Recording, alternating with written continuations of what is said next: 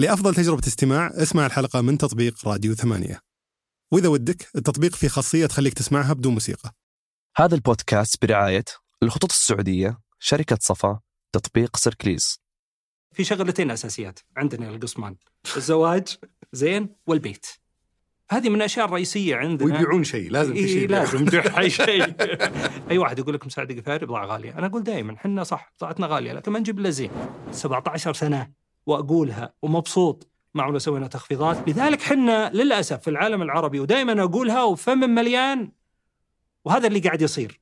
إنه أنا أبغى 100 أقول 120 لأني عارف أبغى خصم 20 وبقول 100 في الأخير أنا ببيع 100 أسمع ايراداتكم 400 مليون تقريبا. أنت تجيب معلومات ما أدري من وين جبتها. صحيح. منين جبتها؟ إحنا عندنا جروث 21% اللي هو نمو في المبيعات. تقول لي شلون جبتوها هذه؟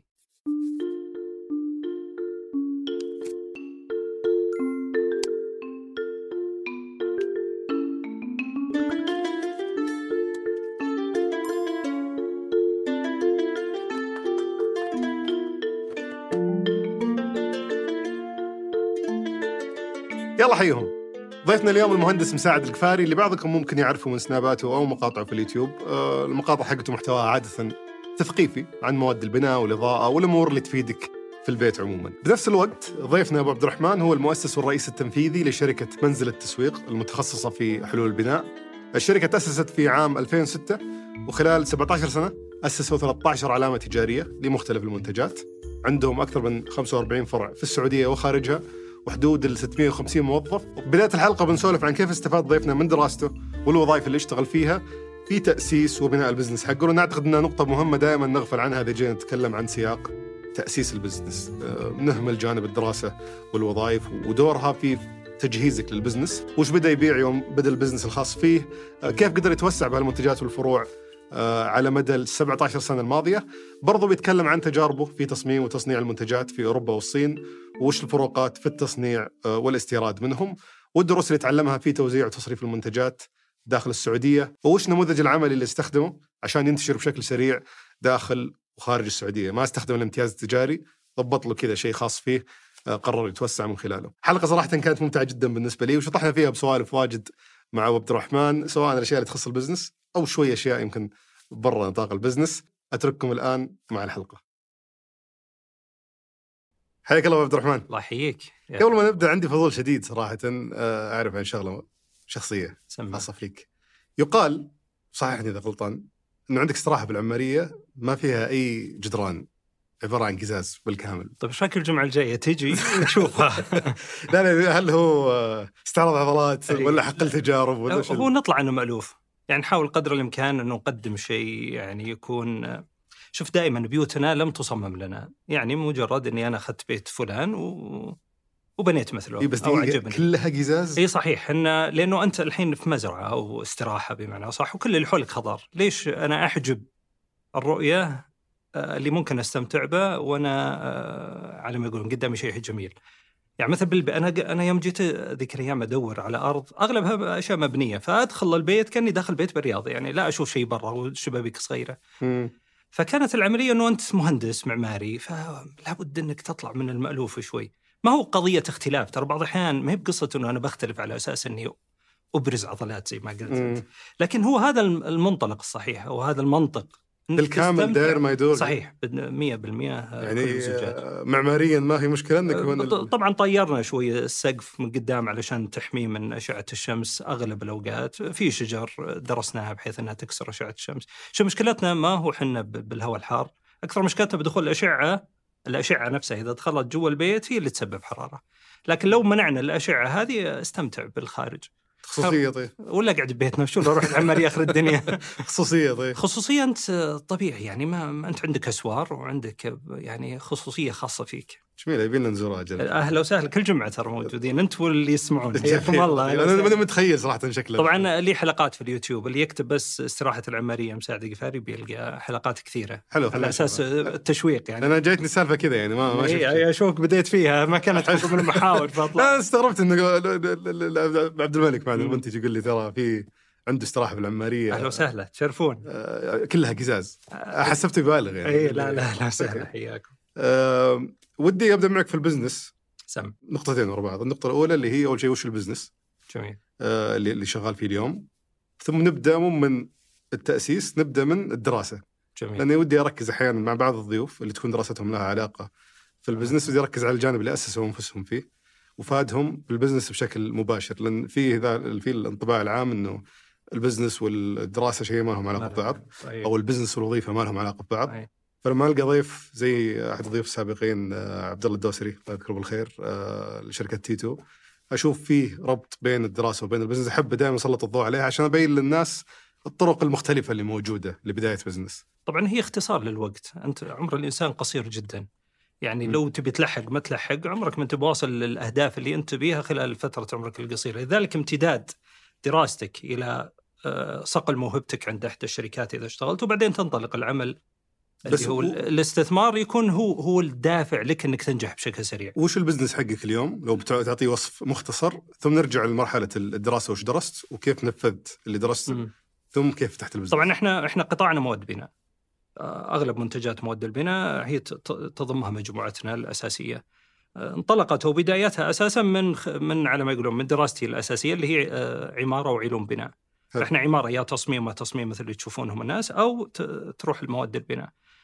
فأنا أخذت الوجهة وصراحة يعني ما كان في تخطيط أنت لو تشوف مسيرتي الحين إذا تكلمنا لا يوجد تخطيط ثابت آه، إلا مجرد إني وين ما يقدر الله إني أكون موجود تلقاني حريص إني أنجح في المجال، مم. يعني لا اختياري إلى الجامعة أصلا كان آه، كان اختيار رغبة.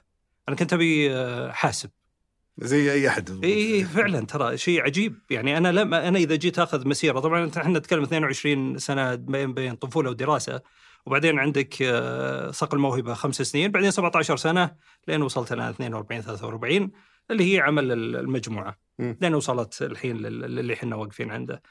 تجد إنه التنقلات إذا جيت أهوجس فيها ما أجد إنه في شيء خططت له على أساس إنه يصيب هذا الهدف. يعني مثلا العمارة كنت أنا بحاسب قبلوني بالعلوم لأن نسبتي ما هي بزينة، نسبتي كانت 89 حلو. وكان معي ولد أخوي أنا وياه في نفس المرحلة كنا في الثانوي هم قبلوه نسبته قليلة. فأكلم فلان يلا شوفوا من تعرفون ويلا. أنا قبلوني بالعلوم ورحت احضر آه، اجتماع المستجدين حقت العلوم. وهو جاء معي آه، دق علينا واحد في كلية العمارة. قال تعال لأن أبوه ما شاء الله كان خريج وله زملاء وأصدقاء. قال لا مر علينا خلينا نشوف فأنا جيت معه. فالله يذكره الله الله يرحمه. توفى الدكتور خالد العهلي الله يرحمه. آه، شافني قاعد وولد أخوي يختبر يختبر عمارة. فقال لي أنت وش وضعك؟ قلت والله أنا مقبول بالعلوم أنا مبسوط بروح حاسب. قال تدري ادخل معه اختبر واستخر. ترى العمارة ازين لك من العلوم. قلت طيب أوكي. شوف أي فرصة تجيك وهذه جزء ترى من الأشياء المهمة في حياة الإنسان. أي فرصة لا تقولها لا. اسمع جرب. ما عندك قرار الآن. أنا دائما أقول إذا ما أنت محدود إنك تقرر الآن خلي المجال مفتوح لك. حلو. فدخلت واختبرت مع ولد أخوي فكرت قلت الحين أنا بالعلوم وهو بالعمارة وإحنا كل عمرنا نروح بسيارة واحدة ونجي بسيارة واحدة خلي معه كلها ترم وبنقل. وبحول للحاسب فسبحان الله يوم دخلت برسم وفن وشباب أكت و- وقاعات ومع بعض يعني آه، يعني فيها فريندلي فيها فيها علاقات حميمية.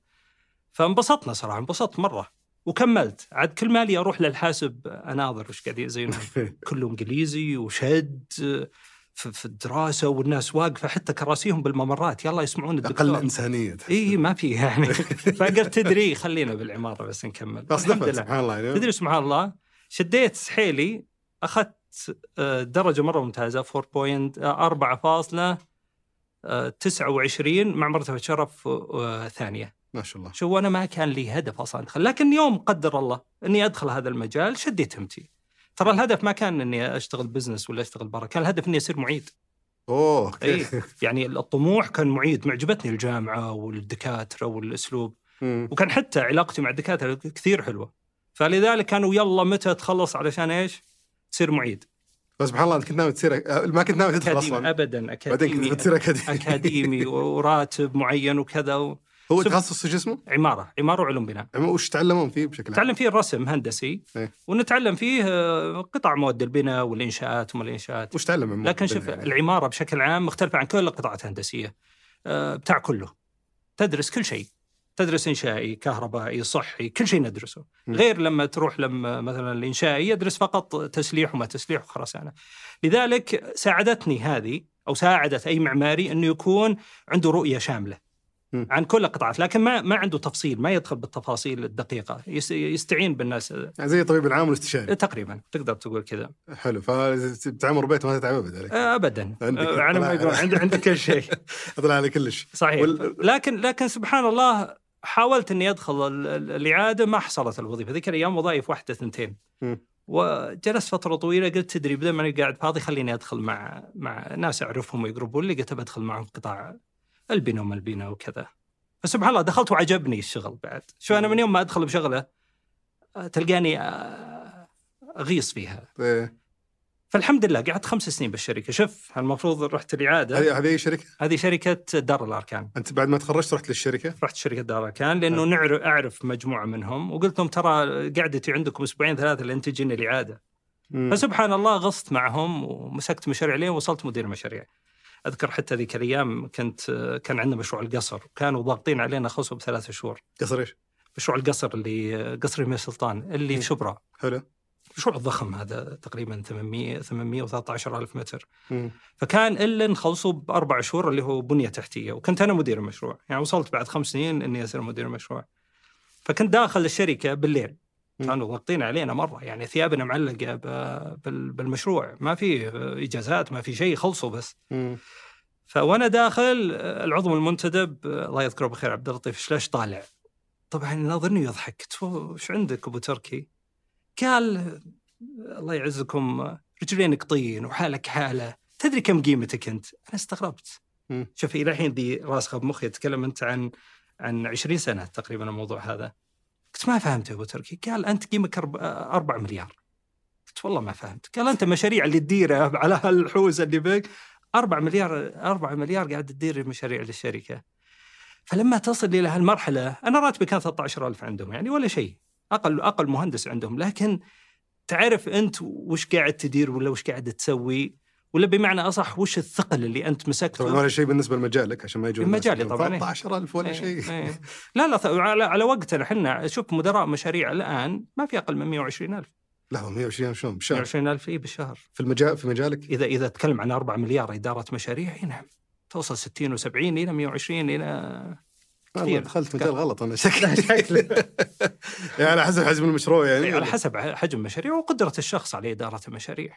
مم. وش كنت وش دور مدير المشروع؟ دور مدير المشروع طبعا يوقع مع مقاولين يدير العمل في المشروع هو ممثل المالك يعتبر يصرف مستخلصات يتابع سير المشروع آه، البرنامج الزمني آه، اعتمادات السريعة والعاجلة فيعني عليك حمل ما أنت. الكل بالكل تقريبا آه، تقريبا وهذه وهذه جزء من الاشياء اللي سببت لي مشكلة اللي هي الذاكرة الوقتية؟ الحين تقول لي اسمي مشهور يمكن بعد شوي أنساك. ما يخالف. هذه من المشروع. ترى، من المشروع فلا تزعل. بس كنت على كذا أنت كنت في الميدان وعلى اطلاع على كل شيء. صحيح. مواد، عمال. فادتني فادتني بشكل ما تتخيل. أنا أول مشروع استلمته أول ما بديت معهم قعدت أربع شهور بالمكتب الفني.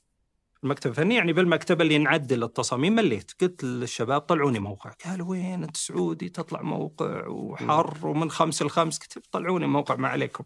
خمسة فجر خمسة العصر. إيه من خمسة الفجر إلى خمسة العصر. قلت بتطلعوني ما عليكم. قالوا ذا بيمل أم باتر بيمسك الباب ويتوكل على الله. قلت ما عليكم أنا أدبر عمري. وفعلا مسكوني مشروع اذكر باليرموك. كانت ست فلل مسؤول أنا مهندس معماري يسموني تشطيب. لأنه مهندس معماري له علاقة بالتشطيبات أكثر. مم. وبديت فعلا بسيارتي انقل البراميل. واوديها إذا إذا تأخر مثلا المورد ما جاب أروح أنا أودي من السوداء وأجيب.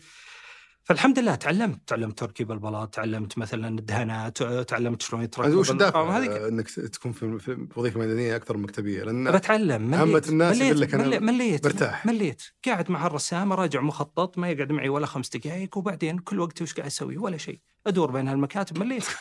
خلني أطلع أتعلم. بس شوف آه، يعني أنا اللي سويته يمكن إنه وأنا دائما أقول للشباب إذا جو عندنا بالشركة أقول قدر الإمكان إذا دخلت شركة استفد من كل القطاعات الموجودة. تعلم يا أخي إدارة مالية روح لمهم اقعد معهم. تعلم تعقيب. تعلم آه، مثلا آي تي اقعد وتعرف عليه. تعلم آه، مثلا آه، شيء له علاقة بالهندسة وقطاعك بعد.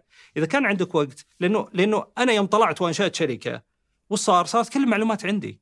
أنا بشركة دار كان توليت التعقيب. كنت أدخل على الزملاء أخوياي مهندسين بالأمانة أجيب لهم أوراق خصوصا قال الحين مهندس معماري وشهادة و... وماخذ مرتبة شرف وصاير معقب خلص ورقتي بس اخلص بس علي. بس الآن أدير لك الم... يعني إدارة المتابعة عندي والعلاقات وانتشارنا على عدد الفروع اللي عندنا قاعد اعرف وشلون أديرها وأتابعها. مم. على أساس إني دخلت لا هذا بس- السبب بالضبط اللي خلاني أبي أبدأ الحلقة في هالجانب لأنه قبل حتى قبل كم يوم كان في واحد يستشيرني في business آه، إنه في مجال معين. خلينا نقول نفترض مثلا إنه مجال مقاهي إنه بيسوي مقهى مثلا. وهو ما عنده أي خبرة نهائيا في المجال هذا. قلت له طيب جربت تشتغل مع مقهى؟ جربت تسوي جربت تسوي أي شيء له علاقة في إدارة آه، مقهى؟ لا لا والله سويت دراسة جدوى وببدا طيب يا أخي احتك مع الناس شوف العملاء وش يبون شوف كيف تتعامل مع الموردين. ادخل في جوا ال- ال- السوق هذا بأقل ال- يعني ال- خسائر الخسائر الممكنة وبيقلل ال- يعني المخاطرة الممكنة. جرب تعلم وبعدين ابدأ لا لا تروح تبدأ على طول على أساس بس والله إنك تسوي لك بزنس وتسوي لك صحيح يعني خليك في البداية موظف وتعلم البزنس اللي أنت تحبه وبعدين شوف هل هو فعلا يدخل فلوس ولا ما يدخل فلوس؟ هل هو فعلا مستقبل لك إنك تشتغل وممكن يصير مصدر دخل جيد بالنسبة لك ولعائلتك وتقدر إيش على ما يقول تضيع وقتك فيه؟ بعض الأحيان في بعض الاستثمارات أنا بعض الزملاء إذا جو أقول له تراك أنت قاعد تضيع وقتك stop وقف ابد مم. ابد في طريق ثانية ترى طريقك جدار آه، مسكر. قاعد كل يوم تصدم فيه. صح إلى متى؟ لازم تغير. إنه يعتمد على سواليف استراحه سواليف تويتر. صحيح. وهذه جزء من المشكلة. سواليف إكس. لا لا الحماس الزايد. شوف ترى ترى ال- ال- ال- المنظرين في الم- في الموضوع هذا أو بمعنى أصح أصحاب الأعمال لما يجون في بعضهم يعني بعضهم يؤمن بالدراسات والتحليل و و- وبعضهم يعني أنا آخر فترة سمعت الواحد رجل صراحة يعني قمة في الإدارة. بدون ذكر أسامي قال كلمة جميلة قال إنه يعني زيادة الحرص على مسألة دراسة المشروع هي تفقد الكثير من المشاريع مم. لذلك لا لا إفراط ولا تفريط العملية، العملية أوكي ادرسوا صح بناء على خبرتك لأنه شوف اكتساب الخبرة هذا جزء من الأشياء اللي تقيق المخاطر في مسألة اتخاذ القرار السريع. لكن اللي ما عنده خبرة مثل ما قلت يروح يسوي دراسة جدوى اقتصادية ويقعد مع ناس وكل يشاورك يشاورني يشاور فلان على أساس إنه يضمن إنه ما يخطئ. هو توازن بين المعرفة والتجربة ما صحيح. تصير لا أنت معتمد على المعرفة والبحث والأمور هذه ولا تصير أنت مدرعم وتروح صح. تقول خلاص بجرب وبدون صحيح. أنا عندي نائب الرئيس عندي بالشيء يقول يقول أنا وياك نقيضين أبو عبد الرحمن قلت له وش ما فهمت قال أنا ديب يعني أنا داخل كثير في الدراسات والتحليل ولا يمكن آه، يعني أقدم على شيء إلا لين اتاكد أن هذه الدراسة ناجحة 100% أنت لا مم. أنت إنسان تروح تشوف المكان تقرر أنك تأخذه وش تبي تحط فيه وتسويه وينجح مم. قال الفرق بيني وبينك إنه أنا آه، هذا أسلوب آه، عملي وطريقتي اللي هو ما كان ماشي نفس لا زيك صح؟ لا لا لأنه أصلا يعني تقدر تقول أكاديمي أكثر تحليلي أكثر. صاحب نظريات وترى يختلفون. اي أنت من جاي من الميدان فتقدر آه، تلقي نظرة سريعة صحيح. تشوف. وهذا جزء من الاشياء اللي زينة وما هي بزينة ترى بعض الأحيان. يعني ما هي بزينة إنه كثير من الناس خاصة المنظرة ما يعت... ما يعتبر بالأشياء اللي أنت قاعد تسويها. حتى لما تجي تتكلم مع محللين وما محللين تقول لهم مقدم على شيء طيب سويت دراسة. مم. طيب كيف در... درأت المخاطر؟ يا ابن الحلال شغال بالسوق 17 سنة. أنا أعرف كيف أدخل، وين أدخل، وش بسوي، وخطتي للسنة الجاية. طيب هل سويت خطة؟ إحنا في الغالب في الغالب نسوي خطط ونجتمع، لكن ما هي بالتفصيل اللي قاعدين نتكلم عنه. ما هو بالديب، توازن زين. لا التوازن زي صحيح، أنا ما أقول لا هنا ولا هنا ترى، أنا من مع هذول ولا مع هذول، لكن أنا أتوقع إنه إننا ما نبطئ في اتخاذ القرار، لكنه فيه آه، نقدر نقول محددات. إذا إذا عرفتها الرئيسية تقدر تتخذ القرار. مم. لما تقعد تهوجس فكرة 10 سنين ثم تنفذها واحد ثاني تقول والله أنا كانت الفكرة في وأكثر المشاكل اللي يواجهونها الناس إنه هبة. مم. شوف أنا ما عمري دخلت بحياتي بأسهم.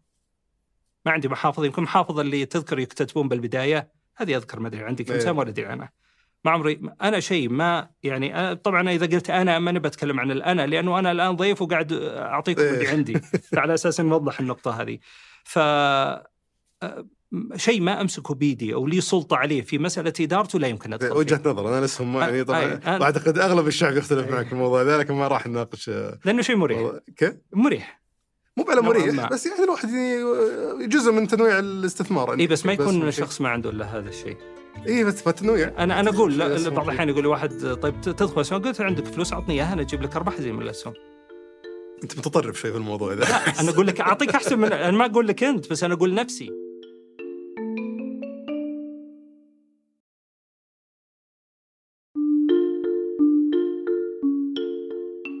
طيب عشان ما نشطح كثير في السالفة كنت مهندس معماري أمورك تمام أفترض دخلك تحسن على مرور السنين.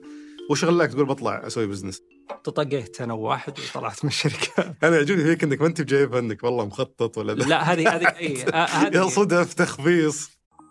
كشفت حرب غزة حاجتنا لخدمة إخبارية موثوقة خصوصا مع انتشار الشائعات والأخبار المزيفة. فصحيفة الشرق الأوسط تقدم عبر منصاتها تغطيات حية لكل جديد وتحليلات عميقة وآراء متخصصة. عشان تعرف آخر الأخبار من مصدر موثوق تابع الشرق الأوسط صحيفة العرب الأولى. شوف آه، في كلمة دائما ارددها أقول يجب أن تكون آه، ذا يعني ذلك الشخص ال- ال- المميز في ذلك المكان اللي فر- فرض الله سبحانه وتعالى أنك تكون موجود. مم. لابد. يعني آه، إذا جيت مكان إذا دخلت عندك لابد اني اكون مميز سواء بهندامي بكلامي بأسلوبي بحديثي. ما- هذا جزء من من من علاقتها بالطلعة؟ لا علاقة كبيرة. انك إنك وين ما تكون يعني أنت ما خططت لكن صرت في هذا المكان. لابد إنك تبدع وتنتج على أساس إنك تنجح. ما هذه له علاقة بالمطاقه قلت لا ما له علاقة بالطاقه طبعا أنا في الشركة وهذه وهذه جزء من الأشياء ترى المهمة. بعض الأحيان يريد الله لك أمر إنك تتوجه توجه وأنت إلا تقول هذا الزين لي. وتروح هناك تلقى رزقك أصلا مكتوب هناك ما هو هنا. صح. فكنت والله صراحة لا أخفيك. أنا من يوم ما أدخل يعني شغل مع مثلا يوم اشتغلت مع مع ال- ال- الشباب في دار الأركان منغمس جدا بالعمل. ففكرت لا بسياره ذي كانوا جاوني قال تعال أنت ما معك سيارة وقاعد طامر بسيارة. خذ سيارة يا ابن حلال خذ مدري وش. وما كنت أطلب. كان هدفي إني بس أبني نفسي وهذا الهدف. عاد متى بطلع؟ ما عندي تخطيط. حلو. سبحان الله صار آه، كلاش ما بيني وما بين واحد وعزة نفس وقدمت استقالتي. بدون وظيفة بدون شيء. ولا شيء. كان راتب قلت لك كان ذيك الأيام يعني حق شهر أنا ما ما عندي. حلو. وضع أبوي جيد الحمد لله الله يرحمه. الله يرحم موتانا وموتى المسلمين جميعا. آه لكن يعني عنده عنده على بيوت واجد وعنده عيال ولا أبوي كان تعبان ذيك الأيام وأنا وياه أصلا في خلاف إني أدخل شركة ولا جتني وظيفة حكومية أنا. طبعا يوم طلعت قدمت مع أخوياي بعد بديوان خدمة. وقبلوني قبال بيتنا مخرج تسعة وإحنا كنا بالريان. فرحت ونظرت الوضع لا مو بذا جوي. أنا جوي أبي عادة. أنا بالشقه ما إيه خلوني هناك أنا خلوني بال بالشركة لين تجي لي عادة. ف سبحان الله يعني يوم طلعت أبوي كان يقول لي ذيك الأيام خليك وظيفه الحكومية ابن حلال وظيفة حكومية أمان أنت منعرضت عليك كل أحلام الشعب. إي أما أمان وظيفي وهذه جايتك وما أدري إيش. قدام البيت. قلت يا أبوي أنا هدفي كذا يا أبوي ما ما سمعت صراحة كلامه? لكن خلال فترة مرضه يوم كان بسرير رحمة الله عليه كنت اجيه أقول ترى صار راتبي كان أول ما بديت 5800 بعدين 6666 حتى ذيك اليوم حطوه 6 6 6 ودخلت على قلت شو الحين ست قال زين ستات من يحصل له رقم ستات. قلت؟ هذا الإقناع يعني من مدير الشركة. قلت يلا ماشي لين وصل 13000 وشوي. فهذا طبعا يوم انتقلت من الشركة لأنه انتقلت مجموعة شركات عندهم. إيه. ف سبحان الله قدم استقالتي وطلعت. آه الأسلوب أول بعد. طلعت شوف طلعت. طلعت وش كان عندي؟ يوم طلعت قعدت أقلب الأمور. ما عندي شيء. ذيك الأيام كنا بالشركة يوم كنا موجودين كن- كنا اصدقاء أنا ومدير آه، شو اسمه التسويق ومدير ال IT وواحد معنا مدير الموارد البشرية وأنا مدير تخطيط وتطوير العمليات العقارية. قاعدين نسولف مثل جامعه الشباب باستراحة. ها وش رايكم وش في business زين؟ قالوا التسويق ما التسويق. طبعا مدير التسويق عندنا لبناني ويعرف يبيع. إيه. فالله يذكر بخير اليوم متواصل أنا وياه. فقال تسويق وش رأيكم؟ قلت خلاص طلع لنا اسم. شغلتنا قال. اي وطلع اسم. وش وش الاسم؟ اسم شركتي الآن المجموعة حقتنا. مجموعة منزل التسويق التجاري طبعا هو طلعها بالإنجليزي marketing home group يعني مم. تعتبر اسم branding بس إذا قلبته بالعربي ما هي يضبط بقاله ما ما هي ما هي بجاية يعني. فخلاص خلاص يلا واللوجو سوينا لوجو آه، طيب من نحطه باسمه؟ قالوا أنت يا مساعد ما عندك لا سجلات ولا شيء وأنت سعودي. آه، طبعا هم كلهم سعوديين ما عدا هذا اللبناني. قلت خلاص أنا بطلع سجل باسمي. طلعت سجل وأنا اللي دفعته كل شيء بردت بوقتها يعني ذيك من. ذيك الأيام. بردت ولا صار ولا شيء. والسجل عندي. قصة س- س- 99% من هذه. من, من الناس. فجاء مرة ما أدري إيش صار بيني وبين نقاش مع واحد قال لي إيش رأيك بلاط؟ ما بلاط وما أدري شو نبدأ وحلو ال business. ذيك الأيام كنت أبني بالقصيم. أبوي على بداية تعبه وإحنا عيال صغيرة. فخايف علينا. فقلت له يبا ما أدري وشو. قال لي ما يخالف انت وخوالك ابنوا فخالي كان بيبني وأنا بنيت بجنبه. مم. فسويت البيت وتسلفت من أبوي شوي. آه وكملت البيت على أساس إنه يكون آه يعني نبيعه وكذا. فعجبتني شغلة البيع والشراء وتعرفت لي على واحد قال وش رأيك ترى business زين؟ قلت تدري عندي هالسجن بلشن فيه. خلنا نبدأ. مم. أبد خلاص وش عندك؟ والله عندي قرشين أنا يلا okay روح أنت وعينت مدير مبيعات ومشت الأمور وبدينا نطقطق بس ما نبي يمها أنا مشغول بالشركة. أنا شغل شركة إلى هنا. دار الاركان إي مرة مرة. ما عندي وقت وقايل له أنا ما عندي وقت ولا ألتفت لك. هذه قبل ما تجي المطاقة قبل ما تجي. حلو مم.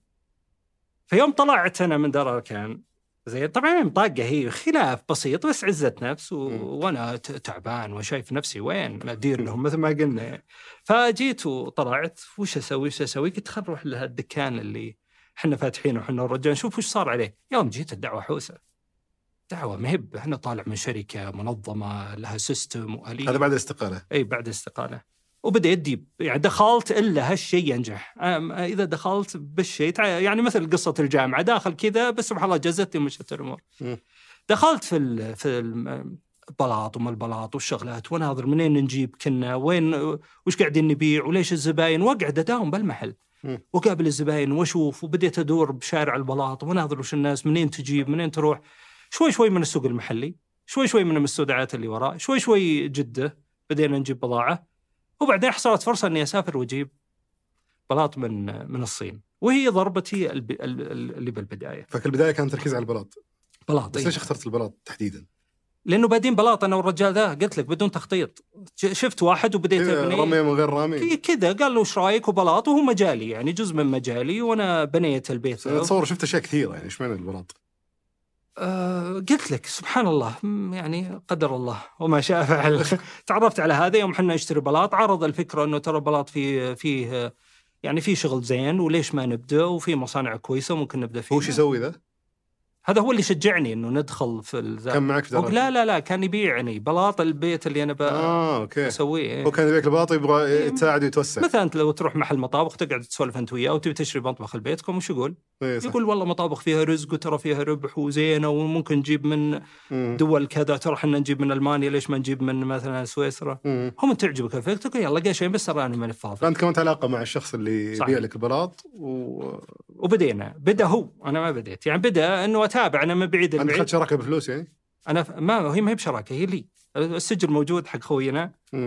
والرجال موظف وبدأ يروح وأنا بتوجيهات بسيطة بس بس ما ما كنت أصلا متفرغ. طبعا هي البدايات وبعدين جت هذه اللي هي التاتش البسيط وطلعت. يوم طلعت وبدينا جيت وناظر الأمور وسمعت بان الأمور متعود عليها متعود شركات ونظام وسيستم. وبديت عاد طبعا خلفية خمس سنوات. وهذه جزء من أشياء التنقل ما بين الشيء. شوف الخمس سنين صقل الموهبة بشكل كامل خلال خمس سنوات في نفس القطاع ترى هذه تبني لك خبرة عجيبة. لأنك انتقلت من قطاع اللي قطاع المقاولات. في البداية شركة منازل بعدين طلعت إلى شركة دار اركان بعدين انتقلت إلى قطاعات معينة إدارة متابعه بعدين انتقلت إلى إدارة مشاريع بعدين فبنيت علاقة وصرت أنت من القدامى. فكل الناس يرجعون لك. حتى لحقت على شركة تيرنر عالمية أول ما استعانوا فيها لحقت على؟ شركة تيرنر اللي بنت. برج خليفة. هي ممثلة المالك في دار كم في مشروع القصر دخلت معهم كلهم أمريكان وناس تكسبك كم؟ خلفية وخبرة. خمس سنين. خمس سنين إيه. كلها خمس سنين ما شاء الله. كلها الحمد لله. شوف اللي بخمس سنين أنا أقول لي يدخل شركات يطلع بخبرة 15 سنة. بس إنه داوم واقعد وادخل وتلقف. خليك ملقوف. أنا أقول. دائما خليك ملقوف. وش عندكم؟ وش تبون يساعدكم فيه؟ يعني جيد تصير يعني بالأخير إحنا نرجع مرة ثانية. نبي خلال فترة عمرنا القصيرة نسوي شيء ما حد سواه. حلو. فأنت دخلت ال- ال- البلاط الآن شفت الوضع حوسة. وبديت.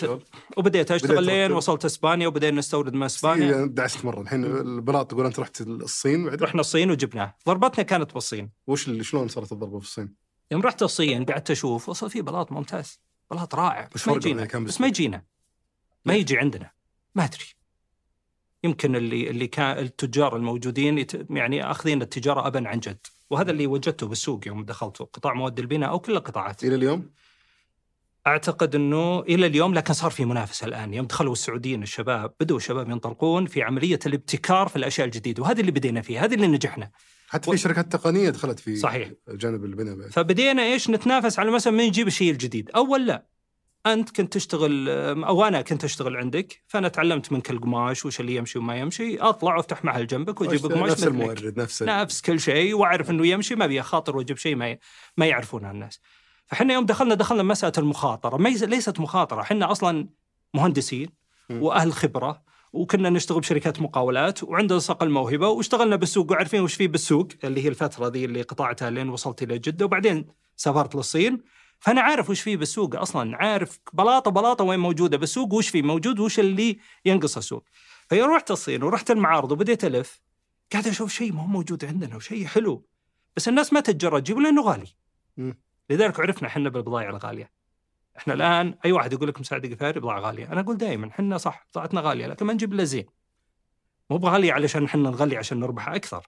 من حقك برضه يعني. اي فاحنا نجيب الأفضل دائما لأنه صراحة أنا دائما أقول للناس إنه السوق مليان بضاعه تعبانه، ما هي بناقصه مساعد قفاري يروح يجيب بضاعة تعبانه بعد. فخلونا نمسك الجانب الزين على الأقل لأنه أعتقد أو أجزم إنه أغلب الموجودين يمارسون التجارة ما هو بسعوديين فانا أعتقد إنه ما هو همه إنه نطلع بشيء واو ولا شيء جميل ولا إنه إحنا كمهندسين سعوديين يوم دخلنا في المجال قاعدين نثقف الناس ونصور بيوت ومثل ما قلت بيت قزاز من كل الجهات وسمعت فيها أنت وغيرك بدينا نحاول نطور نغير الفكر شوي مو بنغير على أساس إنه مختلفين عشان دارسين مهنتنا.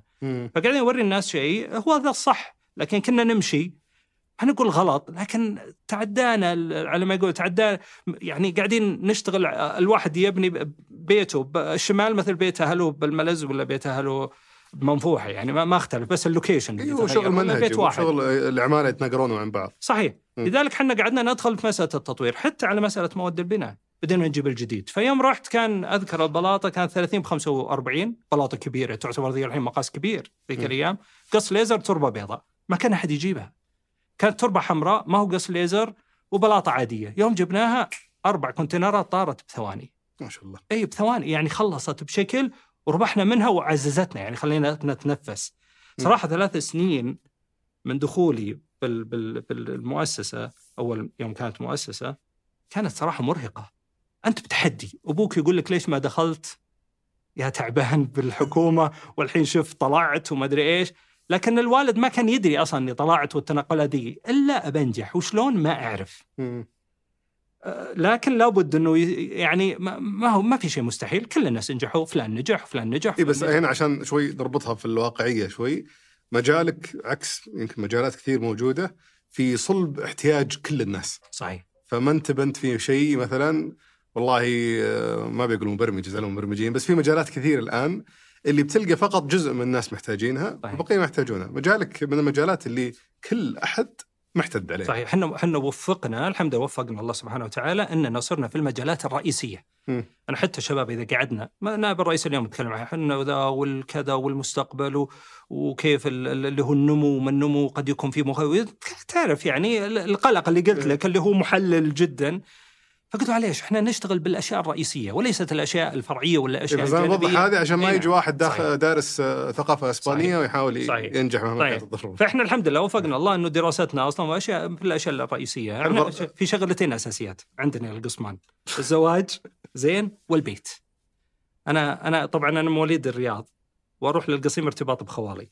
فإذا قعدت بعض الأحيان رحت يوم ولا يومين عشان فروعنا هناك أقعد مع الشباب مع خالي والشباب سواليفهم كلهم شباب ترى 22 24 25 26 كلهم يبنون يا استراحات يا بيوت ومتزوجين. هذه من الاشياء الرئيسيه عندنا. ويبيعون شيء لازم في شيء إيه يبيعون. لازم تبيع شيء. لا هذه ضرورية. تدري عاد دائما يعلقون على القصمان إنهم تجار ويحبون فلوس. شوف حنا في القصيم عندنا ثقافة. موجودة أو بمعنى أصح شيء نتميز فيه عن عن ما, ما نقول إحنا مميزين واو. ففي بعض العوائل أو بعض المناطق وليست عوائل عندهم ميزة. إحنا ما عندنا شيء اسمه عيب في مجال العمل. ما هي موجودة عندنا بتاتا. أنا يوم إذا رحت الخوالي أنا منها للرياض أعتبر إنسان جاي للقصيم ولد الرياض جاء. مم. إذا دخلت عند خوالي نشري كراتين بسكوت ريكو ذولي ومن العصر نف... نفتح باب البيت ونحط البسطة الخشب ذي ونفتح ونبيع. مم. أنا اللي كنت مستلم البسطة. أحب أبيع أحب أعطي تحب تشتغل هم دخلوا البسطة والله جمعت كذا. هي قضية ما هي قضية إنك بس إنك تمارس شيء مهم. والعيال يلعبون بالشارع. إيه. وألعب معهم بعض الأحيان. بس إنه هذا جاي ش- يعني مثلا تلقى العيال الصغار يدفون عربيات بسوق الخضار هذا شيء مو عندنا عيب. تلقى ترى في الرياض لو تسويها عيب ما يصير. شلون ولد فلان يدف عربية بسوق الخضار؟ ما هي مستصاغة. لذلك هذه ساعدتنا في مسألة إنه نكتسب خبرة حتى من أيام يوم حنا صغار ما بعد درسنا ولا تعلمنا. عرفنا شلون نبيع وشلون ندف وش نعرف نعرف شو شو نباع. مساله بس ممارسه ال- البيع. والشراء هذه حتى اللي بالعربي ذي ندري وش أكثر. لو تمسك واحد من الصغار اللي يدفون عربية تقول وش أكثر شيء تدف؟ ويقول لك كذا وكذا كذا راح تجيب مثلا وبيع يلعب عليك أساسا. يعني. لا ما يلعب عليك علمك لا أنا قصدي عشان تروح تجيب وتبيع. لا قصدي أنا جاي يبيعك يعني يقدر يدخلك من هنا يطلعك من هنا فأقول لك إحنا الحمد لله يعني نشتغل بأشياء أساسية. حلو بس خلينا نرجع ما ودي اشطح طيب okay. آه على سالفة البلاط أنت بديت بلاط مش توسعت له اثبتوا النمو... النموذج هذا التركيز على الجودة؟ ممتاز. عكس السوق كان طبعا ممتاز. شوف أنا أنا رحت إسبانيا. بعلمك قصة ظريفة. أنا رحت صغير توني. ك- لقيت لي واحد جايني المكتبي آه، يبيع بلاط إسباني. قلت تعال أنت جابك الله أمسكك. أنا ما قد سافرت إسبانيا أنا ما اسافر كثير. أنا طلعت جواز يوم تزوجت. بس ما سافرت رحت الشرقية قال أبوي حدك الشرقية روح وتعال طيب والجواز شو الصناعه قال خلوا بمخباتك. فالشرقية وأربع أيام دق علي بعد أربع أيام قال تعال أقول وش عندك قاعد تطلع من. الصين تحتاج جواز إيه هذه ف الرجال يوم يوم تمسكت فيه قلت له متى معرضكم بإسبانيا؟ قال إحنا عندنا معرض بالشهر الفلاني باليوم من هو الفلاني." ذا؟ هذا واحد جاني إيه. زين آه هو فلسطيني الأصل معه جنسيه اسبانيه يبيع بلاط. دخل علي المكتب لأنه أنا بالمحل كل يوم أنا موجود. دخل قال أنا وكيل مصانع وكذا وعندي بلاط كذا كذا قلت له جابك الله أنا بزور مصنع مصانع اسبانيا متى؟ قال لي بتاريخ فلان. قلت احجز لي ما أعرف. حجز لي تذكرة والله إني أذكر رحت من هنا لتركيا تركيا إلى مدريد وخط قطار إلى فالنسيا. قصة طويلة يعني. متعبة. كانت تعرف الطيران ذيك الأيام طبعا يحسبوني كبير. فهي تتكلم قبل تقريبا آه، يعني نقول 15 سنة. يا صغير تو. يا صغير فنشف ريقي خلني أشرب موية. أشرب أشرب. فوصلت إسبانيا. الساعة الفلانية يقول يجيك الباص ياخذك للمعرض. ففعلا كنت سبعة ونص أركب الباص أروح المعرض مثل الطلاب، أنا كان معي لستة مصانع أعرف إنها بضاعة زينة وماشية، أنا ما أعرف المصانع بإسبانيا، فكنت أروح، فدخلت على واحد من اللبنانيين. اللي هم طبعا أغلب اللي ماسكين هناك ال agent آه، لبنانيين. الوساطة هذه. الوساطة ذولا وعندهم مكاتبهم وعندهم جنسيات إسبانية. فقالوا لي فلان هو الوكيل فدخلت ذاك اليوم ال booth اللي هو المعرض الوساطة بس للتوضيح اللي ما يعرف اللي هو ال- اللي يكون هو. واجهة المصانع صحيح لأنه المصانع ما تتعامل مباشرة مع الناس السبب إنه ما يعرف أطباع الناس المن- المناطقية كيف يوزع البضاعة كيف كيف ما يبي ولازم يبيع. كميات كبيرة إي نعم مثلا يعطي عبد الملك وعبد الملك يصير وسيط ما بيني وما بينك على أساس إنه يعرف سوقك ومن نفس البيئة ومن نفس اللغة ومن نفس كل شيء ويضبط الأمور. ويأخذ نسبة من المصنع ما يأخذها من عندنا. فجيت وقلت له هذا كرتي وهو قاعد هناك منسدح. أنا آه، هذا اللي مقطع أنا وياه مرة قلت تذكر يوم أجيك وأنت منسدح. يوم أقول لك بشتغل معك قال ما عندي بلاط ابيعه للسعوديه يا ابن الحلال قال أنا عندي وكلاء وموضوع مقفل. كل ما رحت المصنع قال لي نفس الكلام. إنه في وكلاء بسعودية. فيه مليان. خلاص كل المصانع مأخوذة. فقلت له عموما أنا بجيك آخر المعرض. أي شيء ما انباع الوكلاء عطني إياه. تقدر؟ قال لي ما عندي مشكلة. اللي ما ينباع ولا خذوه خذوه أنت. المهم جيته ما يقول والله ما توقعت يا مساعد إنك تجي. أنا الآن أكبر مستورد منه الآن. ما شاء الله. أيوه كل ما شافني أقول أذكره قلت تذكر ذاك اليوم. قال أنت. عجزت. ذاك اليوم. لا عشان أعلمك إني مصر يعني.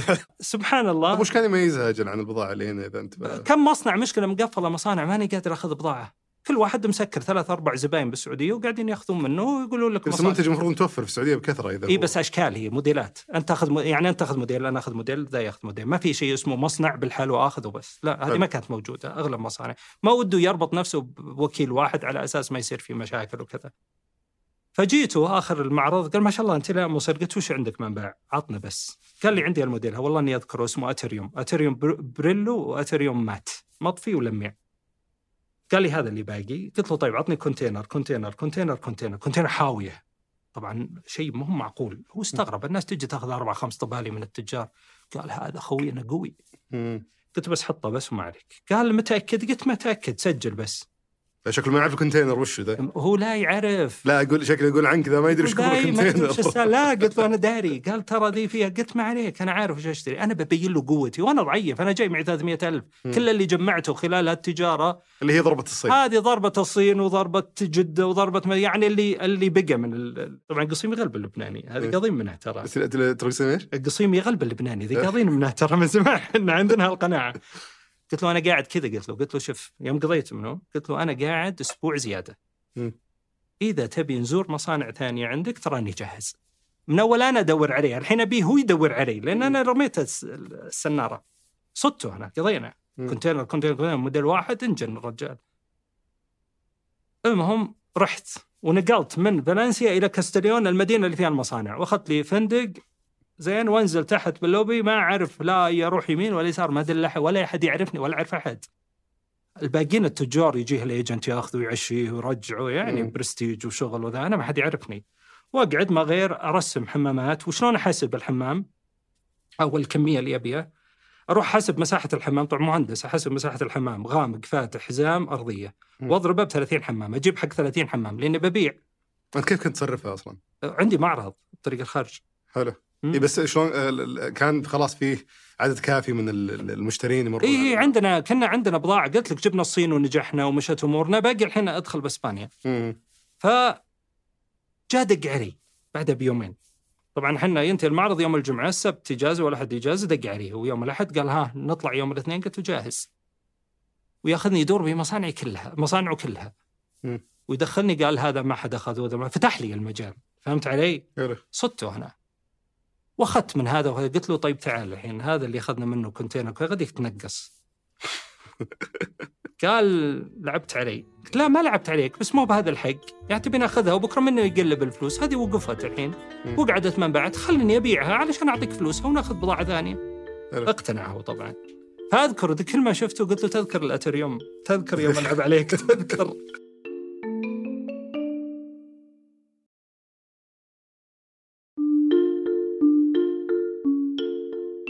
فسبحان الله انطقت انطلقت من ذيك إي هم لأنه يجون ناس كثير يضيعون وقتهم. فكرتهم ببي لا شوف أنا أنا أقول الإصرار مهم والشخص اللي قدامك إذا شافك تلح تلح تلح قال هذا عنده شيء.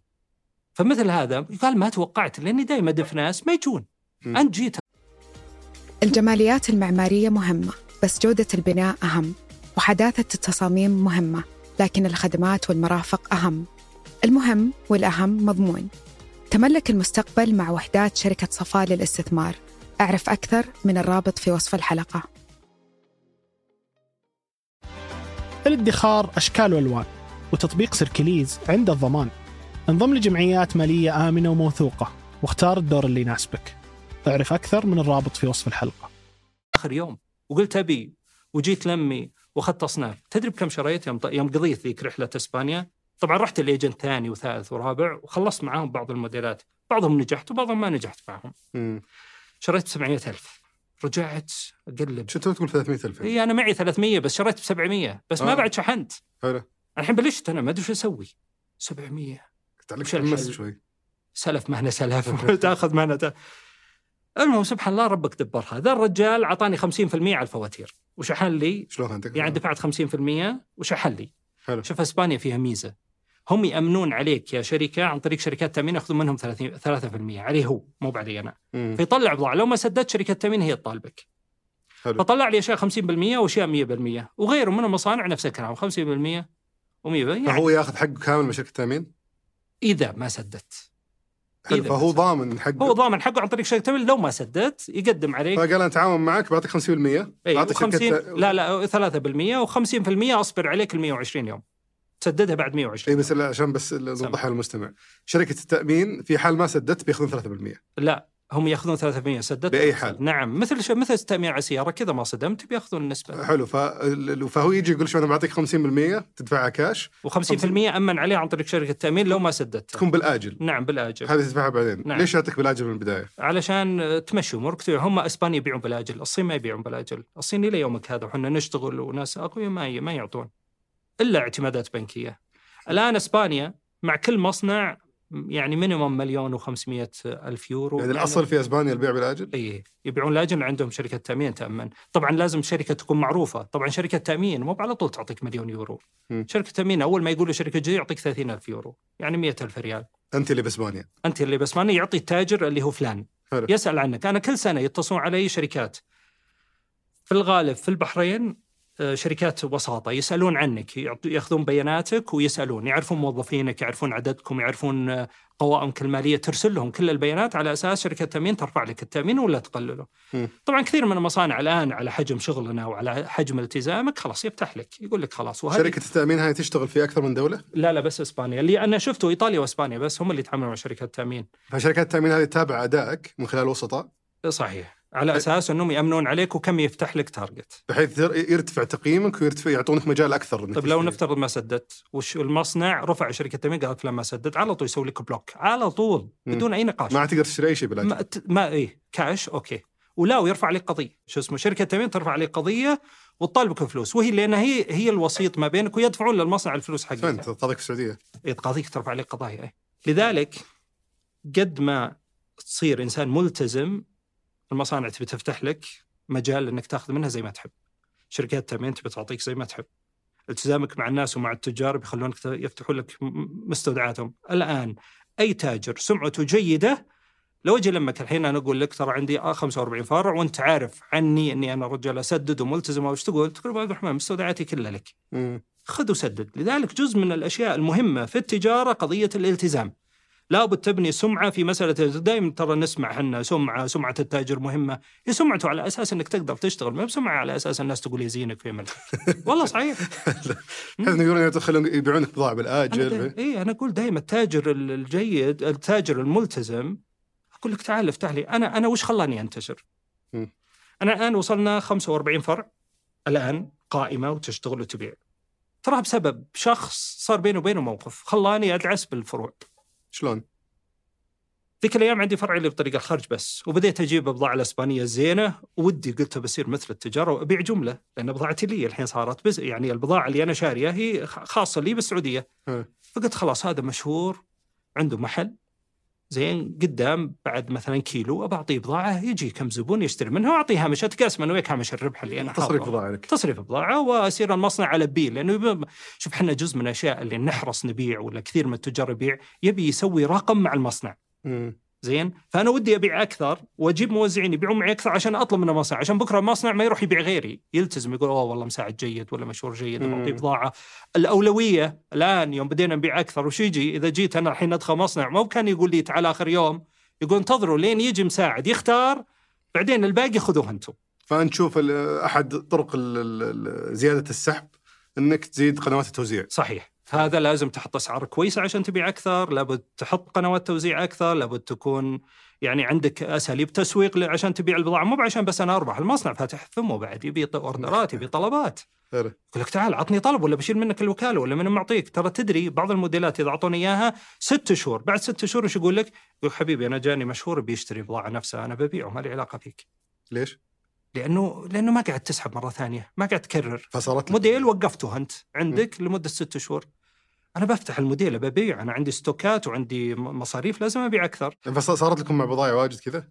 كل المصانع. في الغالب ينتظر متى؟ إحنا كل سنة نهاية سنة يجي يقعد معك المصنع يقعد يكتف يدين يقول تعال وراك ما حققت لي ال target إحنا نبي target نبي نرتفع نبي مبيعات لأنه لذلك مو بس إحنا الزبون اللي يضغط علينا، إحنا اللي يضغط علينا حتى المصانع في مسألة إن نبيع أكثر، طيب كيف أبيع أكثر؟ أسوق أكثر، أقدم سعر أفضل.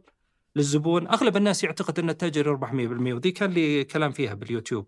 مم. 100% و200% لذلك أغلب الشباب يوم فتحوا فشلوا وسكروا ليش؟ لأنه بقناعته أنه قاعد يربح 100% من اللي قاعد يسوي حسب التجارة محمية كثيرين اللي ترى يعتقدون إلى يومك هذا زين ويش وش المية؟ لا لا لا, لا كثير من الناس يعتقد أن التاجر وشوف بالتعليقات اشوفها التاجر يربح 100% 200% طيب خلونا نجي ونشوف الشركات المدرجة بسوق الأسهم ونمسكها واحدة واحدة وقوائمها معلنة أغلب الشركات يحاول تكح وتطح ويدورون من بس يقومها. صح؟ وفي شركات ما شاء الله قاعد تحقق بس اللي حقق. 100% بس ما توصل خمس. إيه. يعني اللي شاطر شاطر يحقق 25% 20% أتكلم كهامش يعني. هامش ربح إيه. أنا أتكلم صافي هامش الربح إيه. للشركاء. أنت الحين لو الحين تشتغل بالاسهم تدخل بشركات على الأقل تحقق لك يعني مثلا نقول كم أنتم بالاسهم أنا ماني براعي اسهم بالسنة. أن تكون شركة منطقية أنها تعطيك آه، أرباح لا ترى مو تقريبا. يعني عطني عطني تقريبا يعني تكون بالسنة حاط والله ما يحضرني لأن أنا اتبعت أصلا طريقة استثمار عمياء اللي هي اللي يسمونها ال dollar dollar cost averaging اللي بمعناتها إني ما أدري شو ترجمتها ذي. اللي هي اختار مجموعة شركات من مجموعة قطاعات أحط فيها مبلغ ثابت كل شهر okay. عشان ما اقعد أفكر هذا طلع هذا نزل هذا فما طيب ممتاز. نهاية السنة أنت لو أجي أقول لك كم هامش الربح اللي تبيه على فلوس؟ خلينا نقول يطلع لي 10 20% ع- مثلا. 10 لا 20 ما انت بحصل؟ 20 مثلاً يعني. نقول 10% 12% زين. إحنا نقول الشركات ال- الممتازة الرائعة ممكن تحقق 20 22 23 فهذا ال range اللي إحنا نتكلم فيه في مسألة ربحية التاجر. ترى عنده بضاعة راكدة بضاعة ما تمشي عنده هدر عنده تكسير.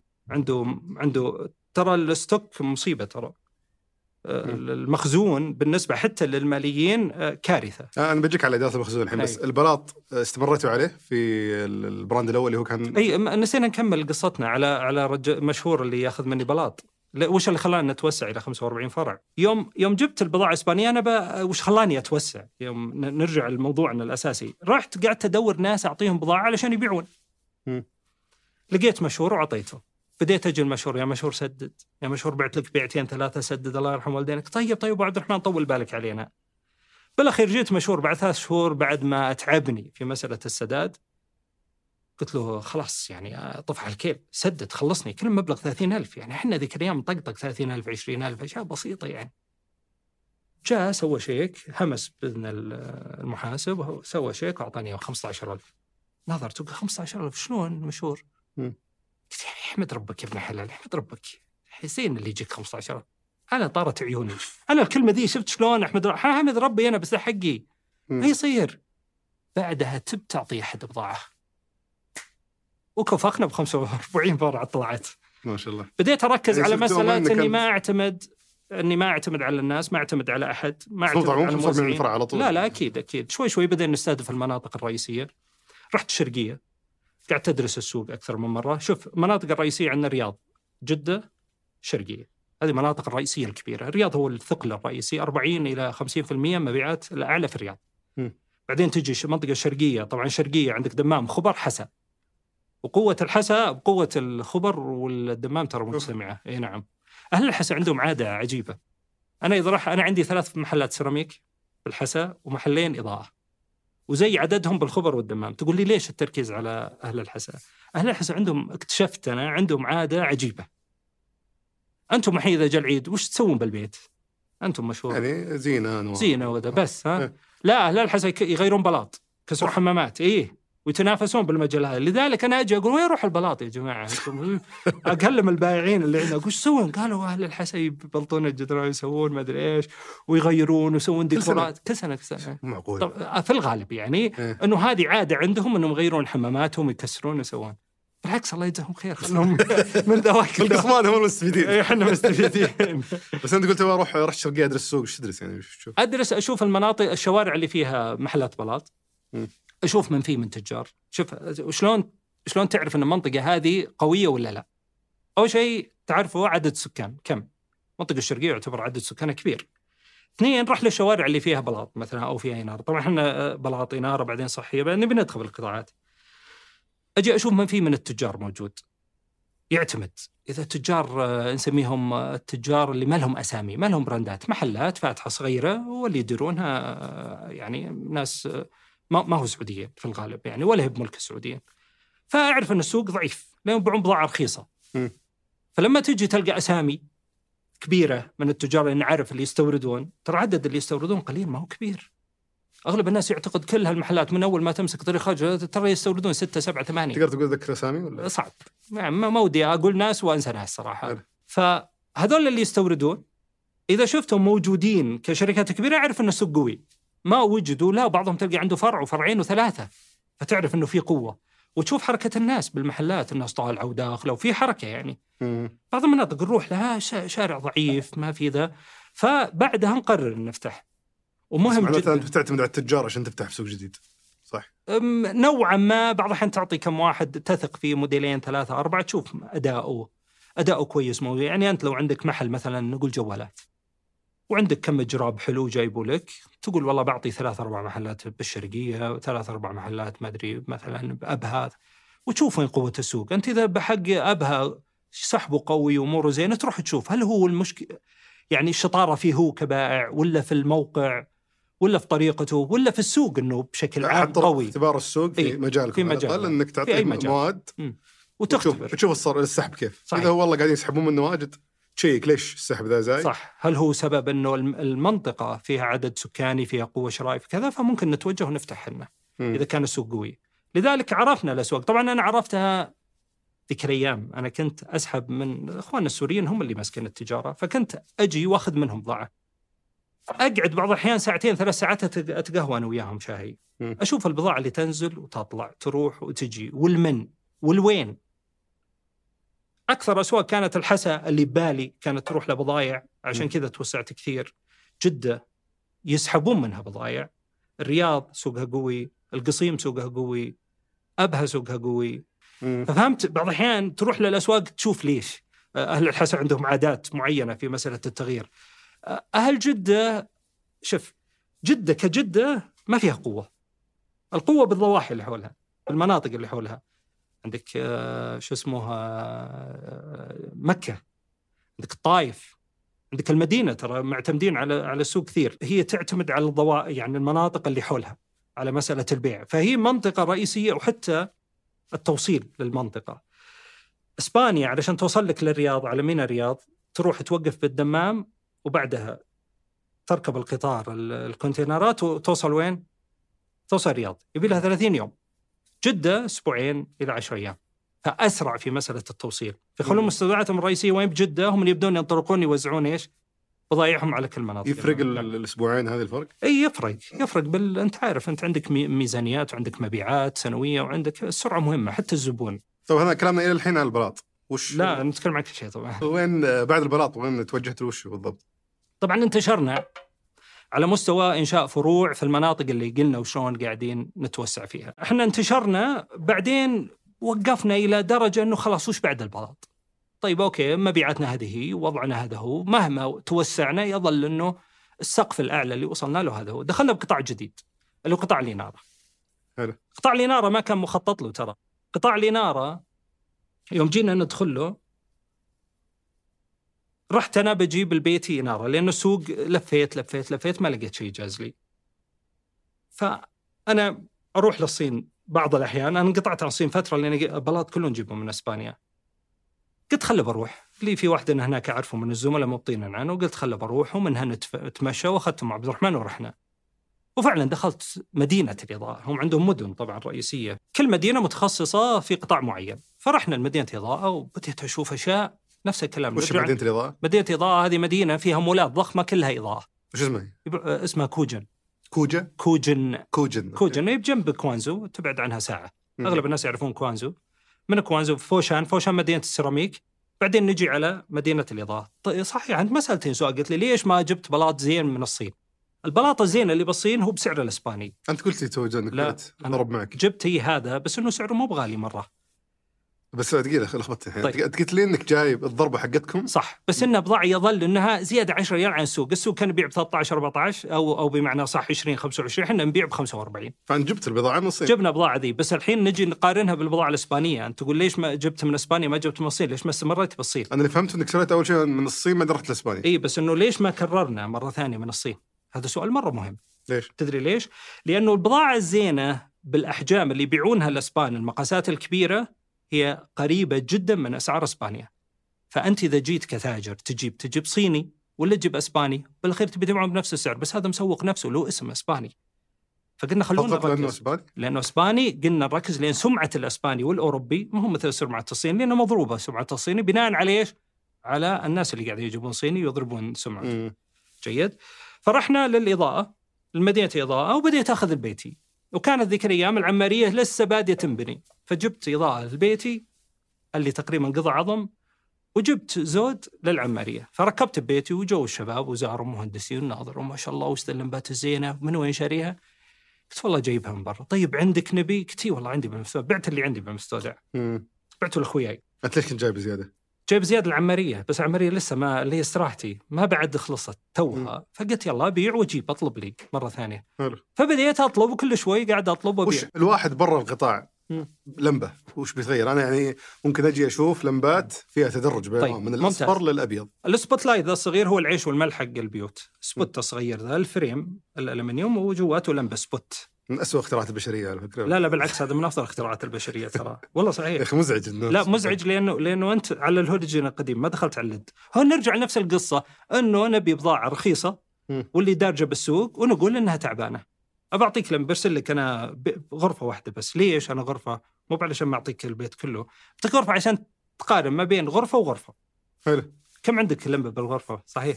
بال أي، أما مجلس مرة مثلاً. ما تبي تعطينا لا لا. مثلا مثلا لا لا مو على كذا. حتى على مسألة العدد وال- والتوزيع وما التوزيع الناس تكثر. وإحنا دائما كموجهين نقول لا قللوا لا تكثرون. إيه بس وش الفرق؟ يعني أنا أشوف لمبات طيب. من اصفر لابيض ب- وبعدين يعني أنت كتاجر. طيب وش اللي يصرف كهرب؟ الأصفر ولا الأبيض؟ عاد تدقق لا علمني. ها أنت بسألك. أنا أعتقد الابيض يصرف أكثر. شلون؟ أنت عكس الآية. بالعادة الأصفر هو اللي يصرف. الناس الناس فاهمين؟ جواب عشوائي. جداً يعني. اي جميل. الأصفر هو الأصفر تدري شلون المنطق اللي في بالي؟ إنه الأصفر سهاري فأكيد لا لا لا. لا, لا. كهرباء أقل. الأصفر لأنه كان الهولوجين القديم عبارة عن اشتعال آه، فتيلة والفتيلة دي 50 واط فتصرف أكثر. ثم بعدين طلع اللي هو اللمبة البيضاء. زي اللي قاعدين عليها هذه. تراك دارس اللي- يعني. اللي ت- فوق لي، ها؟ لا لا لا أنا علمك فطلعت هذه اللي هي النيون يسمونها هذه ما تصرف كهرباء فعرفوا إن الأبيض ما يصرف والأصفر يصرف. لكن بال LED يوم طلع ال LED اللي هو الاختراع الجديد طلع لا هذا في فرق ولا في فرق يعني نفس بعض. اي بس أنا الآن من ناحية ك business جاي الآن جو اخويا كلهم معماريين صح؟ اي جو عندي وبديت أبيعهم. جو مدحوا اللمبات. وبديت أبيعهم. إيه، وبديت تبيعهم. بس ممكن يجي كأنه كأنها لمبة مختصة. طيب ليه ليه زي حق القهوة مختصة طيب ليش. ما عجبتهم؟ لانها ما موجوده بالسوق. ونرجع لنفس قصتنا السابقة. إنه اي اللي وش وش اللي هو اللي موجود بالسوق هو نفسه اللي كنا متعودين ان نعرفه، الحين لو تدخل محل يبيع لمبات تلقى عنده ال- الفريمات هذه الدائرية تلقى عنده عشر أنواع، بس خليني اعيد صياغة سؤالي بطريقة ثانية. فاهم والله كيف. كيف كيف تضمن إنك جايب شيء فعلا يرغب. المستهلك؟ مو بشيء بس خويك المعماري فاهم. ممتاز، أنا قلت لك أنا جبت شيء مو موجود بالسوق. وأعرف إنه له قيمة مضافة لأني أصلا أنا مهندس وفاهم إنه هذا الشيء لو جبته بيضرب ضربته، يعني بيصير هو الترند لكن الناس الثانيين ما يعرفون عنه. يعني ما يدرون، قاعدين يجيبون اللي متعودين عليه. فهذا اللي خلانا نروح يعني خلاني ذيك الأيام أروح أضطر إني أسافر وأروح أتقضى وأجيب، بس ما كان الهدف تجارة. بس فعلا يوم شفت إن الشباب منهبلين على فريم لمبة بس وقاعدين يشترون يعني استغربت أنا. لا ما في موجود ولفينا السوق وكل واحد يقول غريب اللي مو لا جيد غديك تجيب لنا. فخلتني وشو قلنا يا جماعة هذه هذه فرصة خلونا ندخل قطاع الاناره فرحت أرسلت واحد من اللي أنا أثق فيهم وأعرفهم. موظف؟ لا لا لا واحد من الأقارب. فأرسلته مهندس هو قلت له روح ادرس لي سوق الاناره رحت حطيته هناك. وخليت الشخص هذا اللي أثق فيه ياخذه وياخذ جولة ومسح. كنت أدرس السوق بس. الصين بالصين. كنت أدرس السوق بس. وش يدرس؟ وش يسوي؟ يدرس يلف يشوف المحلات يثقف نفسه. أبي يعرف بس. ما عندي مشكلة. أه، أرمي لك عشرين ألف مصاريف وخله بس يدرس السوق ويجي وخله يعطيك اللي عنده. مم. وأنا عندي أساسا أنا عندي خلفية كاملة عن وش أنا بوجه بس أبيه يروح يشوف. مم. فجاء الرجال والله الوضع هذا هو. قلت له ممتاز. وجهته قلت روح للسوق المحلي لف المحلات شوف وش فيه وش اللي شفته هناك وش الفرق. وبديت أنا اخر يوم جاء الطلب رحت أنا وياه. عرفت إيش؟ رحت أنا وياه. يوم جاء نسوي. أوردرات رحت أيوة. أنا وياه. وأخذت محل أنا في مكان آه، بالتخصصي مكان مميز وبجنب محلات إنارة ورحنا جبنا أول بضاعة. وبدينا ننطلق في المسائل وش اللي ساعدنا في مسألة إضاءة؟ أنا أساسا مؤسس منزل السيراميك. منزل السيراميك فيه الآن كادر في إدارة موارد بشرية وتقنية معلومات وفي إدارة مثلا كل في في إدارات كلها في الإدارات الأساسية اللي تحتاج. الأساسية اللي تحتاجها عشان تدف ال- مبيعات والأمور ذي كلها. إي نعم تدف النشاط وتطلعه بس باقي إنك إيش تضيف؟ هالقطاع كم موظف ومعها مدير ومعها مدري إيش ويبدون ينشون. الآن أصبح من أكبر القطاعات. الآن في 22 فرع مخازن إضاءة في عندنا 18 فرع منزل سيراميك وبعدين جينا مرة ثانية قلنا وش في قطاع ممكن نضيفه؟ وش في ممكن شيء؟ يعني وصلنا إلى أعلى رقم مبيعات في السيراميك وصلنا إلى أعلى مبيعات في الاضاءه توسعنا في أغلب المناطق الرئيسية اللي نعتقد إن فيها آه، ده توسعنا في الخليج رحنا الإمارات فتحنا فيها ثلاث فروع رحنا في الكويت. الإضاءة وفي السيراميك؟ في الإضاءة في الإضاءة والسيراميك. قطاعاتنا كلها موجودة في الإمارات في الكويت إضاءة فقط فتحنا في عمان كل القطاعات. قطر إن شاء الله افتتاحنا بشهر 10 7 10 بإذن الله أيضا آه، آه، يعني محل آه، كبير أنا بجيك على موضوع توسع بس خلينا على نقطة الإضاءة. أنت آه، سبق ذكرت لي إنه عندكم 6000 منتج.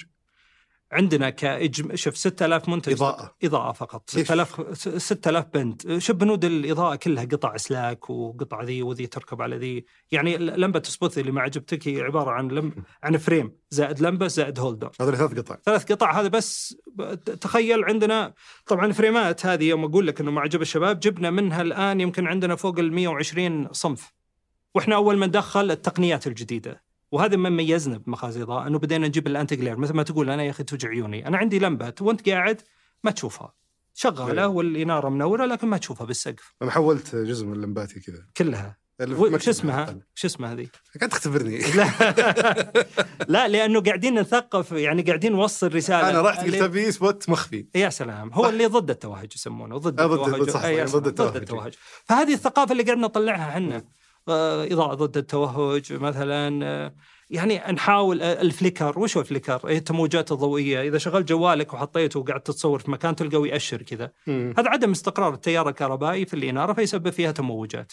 إحنا مثلا في مخازن إضاءة zero flicker. يعني ما في تموجات. تصور ما في أي تموجات.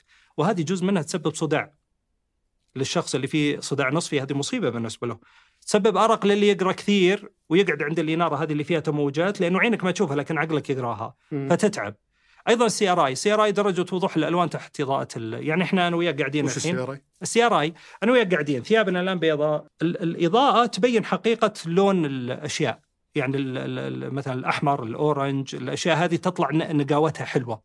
الإضاءة ال LED مشكلة انه أول ما طلعت صار فيها مشكلة إنه ما هي تدخل بيت باهت. البيت ما هو حلو. أغلب الناس بدوا يشيلونها ويحطون إضاءة هالوجين القديم بس تصرف كهرباء وتطلع حرارة. مم.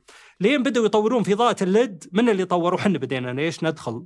نرجع نفسنا. إحنا فاهمين الموضوع. هذا بدينا نشتغل على مصانع. لا عندنا مشكلة في إضاءة ال LED.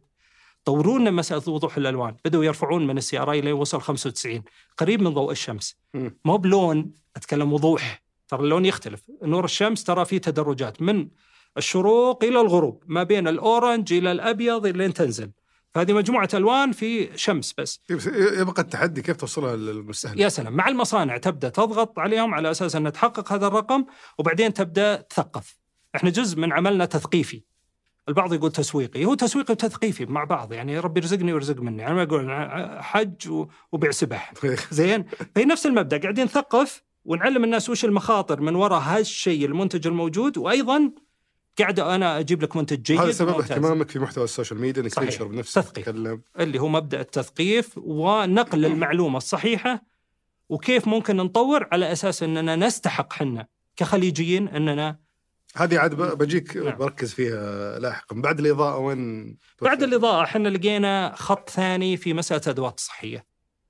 جزء من قطاعاتنا بعد قطاعات مواد البناء إحنا قلنا سيراميك بعدين قلنا إضاءة جزء من الأشياء اللي ممكن ندخل فيها ونبيعها تحت فروعنا اللي هي قطاع الأدوات الصحية. فبدينا في مسألة بناء هذا وش وانطلقنا مدخلكم له؟ مدخلنا لا إنه نقدر نبيع بفروعنا. شوف جزء من الأشياء اللي لازم تهتم فيها إنك في محلك وش تقدر تبيع أكثر شيء. مم. أنت فاتور جاني مشهور أنا ودي بدل ما أبيعه ب 1000 أبي أبيعه ب 5000.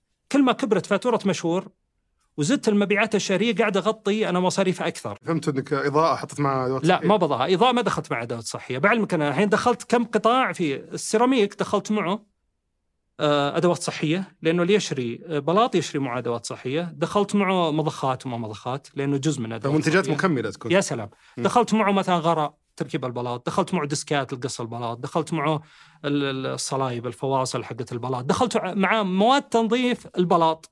لأنه أغلب الناس يعانون من تنظيف البيوت بعد انتهاء من البناء. مم. وكلها قطاعات مكملة، ليش؟ علشان إذا دخل الزبون يشتري كل شيء من عندي. طبعا هي بثقافة التجاره تقول مكان واحد عشان تشتري كل شيء، هو همنا إحنا إنك إذا دخلت مكان إنك تشتري كل شيء بأعلى قيمه، يعني بأعلى قيمة فاتورة. ترفع متوسط الفاتورة يا سلام متوسط الفاتورة على أساس إنه فعلا أحقق مبيعات نهاية الشهر جيده. وحتى تكرار الزيارات للعميل يصير مرة يرجع لك أو يجيك للشراء نعم. ثم يرجع للإكسسوارات ثم نعم. للنظافة ثم فإحنا قاعدين نفكر شفت اللي يصفن كذا ويقعد يفكر إنه وش أضيف مثلا في محلات منزل السيراميك وأقدر اضيفها على أساس تكون قيمة مضافه، يعني مخازن اضافه وش أضفنا لها؟ أضفنا لها منتجات الفلاتر حق تنقية الهواء، أضفنا لها منتجات ذكية مثل لمبات الأباجورات، مثل أضفنا لها مكانس الذكية، مكانس العادية، أضفنا لها مفاتيح وأفياش، أضفنا لها يعني كثير أشياء أضفناها. القطاع الاضاءه اللي إذا دخل الزبون يقدر يشتري الأشياء هذه وأقدر أحطها في الفرع. فقد ما عبيت وهذه جزء من الاست... الشباب اللي لازم يستفيدون منها. أنا أنا قد مرة جاني واحد من عيال عمي في المكتب دق علي فلان القفار قلت أهلا وسهلا أنا والله لا ما أعرفه لكن من عيال العم. لكنه جاء ودخل علي ألا والله ودي أستشيرك في قلت سم. قال عندي كافيه في المنطقة الفلانية وعندي مشكلة في الإيراد وعندي مصاريف عالية. قلت طيب تقدر تقلل المصاريف؟ قال لا. بعض الأحيان تصل مرحلة في مسألة ال business حق ما تقدر تستغني عن أي أحد موجود م. كمصاريف. يعني فاتورتك ما تقدر تقلل منها مثلا بعض الأشياء ما تقدر خاصة أصلا أنت صغير توك بادي فما في شيء ممكن تستغني عنه. قلت له طيب وش الأشياء اللي ممكن تضيفها للكافيه علشان تزيد قيمة الفاتورة؟ الزبون اللي يدخل 30 ريال نبي نطلع نبيه يطلع ب 150 ريال. قعدت اتناقش أنا وياه على مسألة ممكن تضيف مخبوزات، تضيف حلا، تجيب منتجات مثلا أسر منتجة وتضيفها، تزيد كمية البيع، مثلي أنا إذا دخلت محلي وش كل يوم بسوي للناس بلاط، كل يوم بعرف الناس على بلاط، لا اليوم اعرفهم على بلاط، أعرفهم على مواد تنظيف، أعرفهم على فواصل تمدد، أعرفهم على مادة بديل الغراء، أعرفه و و و تلقى عندي محتوى عندي محل أقدر أبيع أكثر.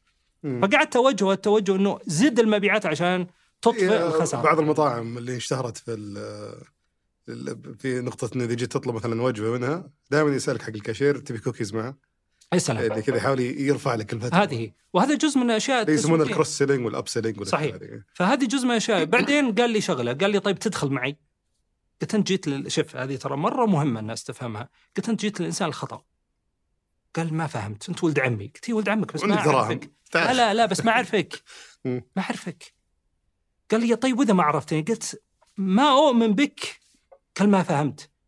قلت لابد إنك تكون إنك تبحث عن شخص يؤمن بك يؤمن بقدرتك يؤمن بإدارتك يؤمن بمصداقيتك يؤمن بقدرتك على إدارة هذا العمل. روح للشخص اللي يعرف إنك شقردي. علشان يقول "آه، هذه الدراهم. يلا اشتغل. مثل ما طلعت من دار كان أنا يوم طلعت زعلان من دار كان ما معي قروش ولا ما معي شيء nothing يعني ولا شيء. وابوي ما ابي أقول له أصلا إني أنا ما معي شيء يقول لي كل عمري أقول لك ادخل الحكومة وأنت معي. بس أنا أنا كدوري أسأل أسئلة تبع المستمع. يمكن المستمع يقول طب أنت الحين طلعت من دار اركان وتحمر بيوت وأمورك تمام يعني واضح إنك ميسور يعني ما جميل صح. إيه. هذه هي النقطة. ما معك شيء. أنا أنا يوم طلعت ما في شيء. حتى رفعت لهم قلت طيب مكافأة شيء. والله رفعت رئيس مجزره خلوا يسمعني الحين. قلت له مكافأة شيء. والله ولا جاني ولا شيء. لا مكافأة ولا شيء ودارت ولا بس معليش دقيقة. عشان أنت كنت تعمر بيت وتدعم هذاك إي. لا لا أنا أخذت شوف أنا أنا يوم توفى أبوي فتحنا الصندوق الصندوق أنا زين. الله يرحمه يرحمه. لقيت ورقة اللي كاتبها 90000 من ضمن أشياء الدين علي موقعة. هذه علي 90000 عشان أبني البيت. زين. فهو باقي البيت ويعني ما ما, ما في شيء. تمام بس كذا ما ما في شيء يعني فهمت؟ ما في شيء. يعني ت- ب- بنى البيت ذاك الأيام ما ولا ولا يعني الأرض أخذناها ب 45000 ما أدري والله ب 35 والله نسيت. والبناء طقطق يعني بالقصيم ما ما هي مكلف العمارة. هناك وخالي يعرف ناس ويعني أنا أقول لك أنا أسأل نيابه عن المستمع. داري. فقلت لك طلعت ما معي شيء.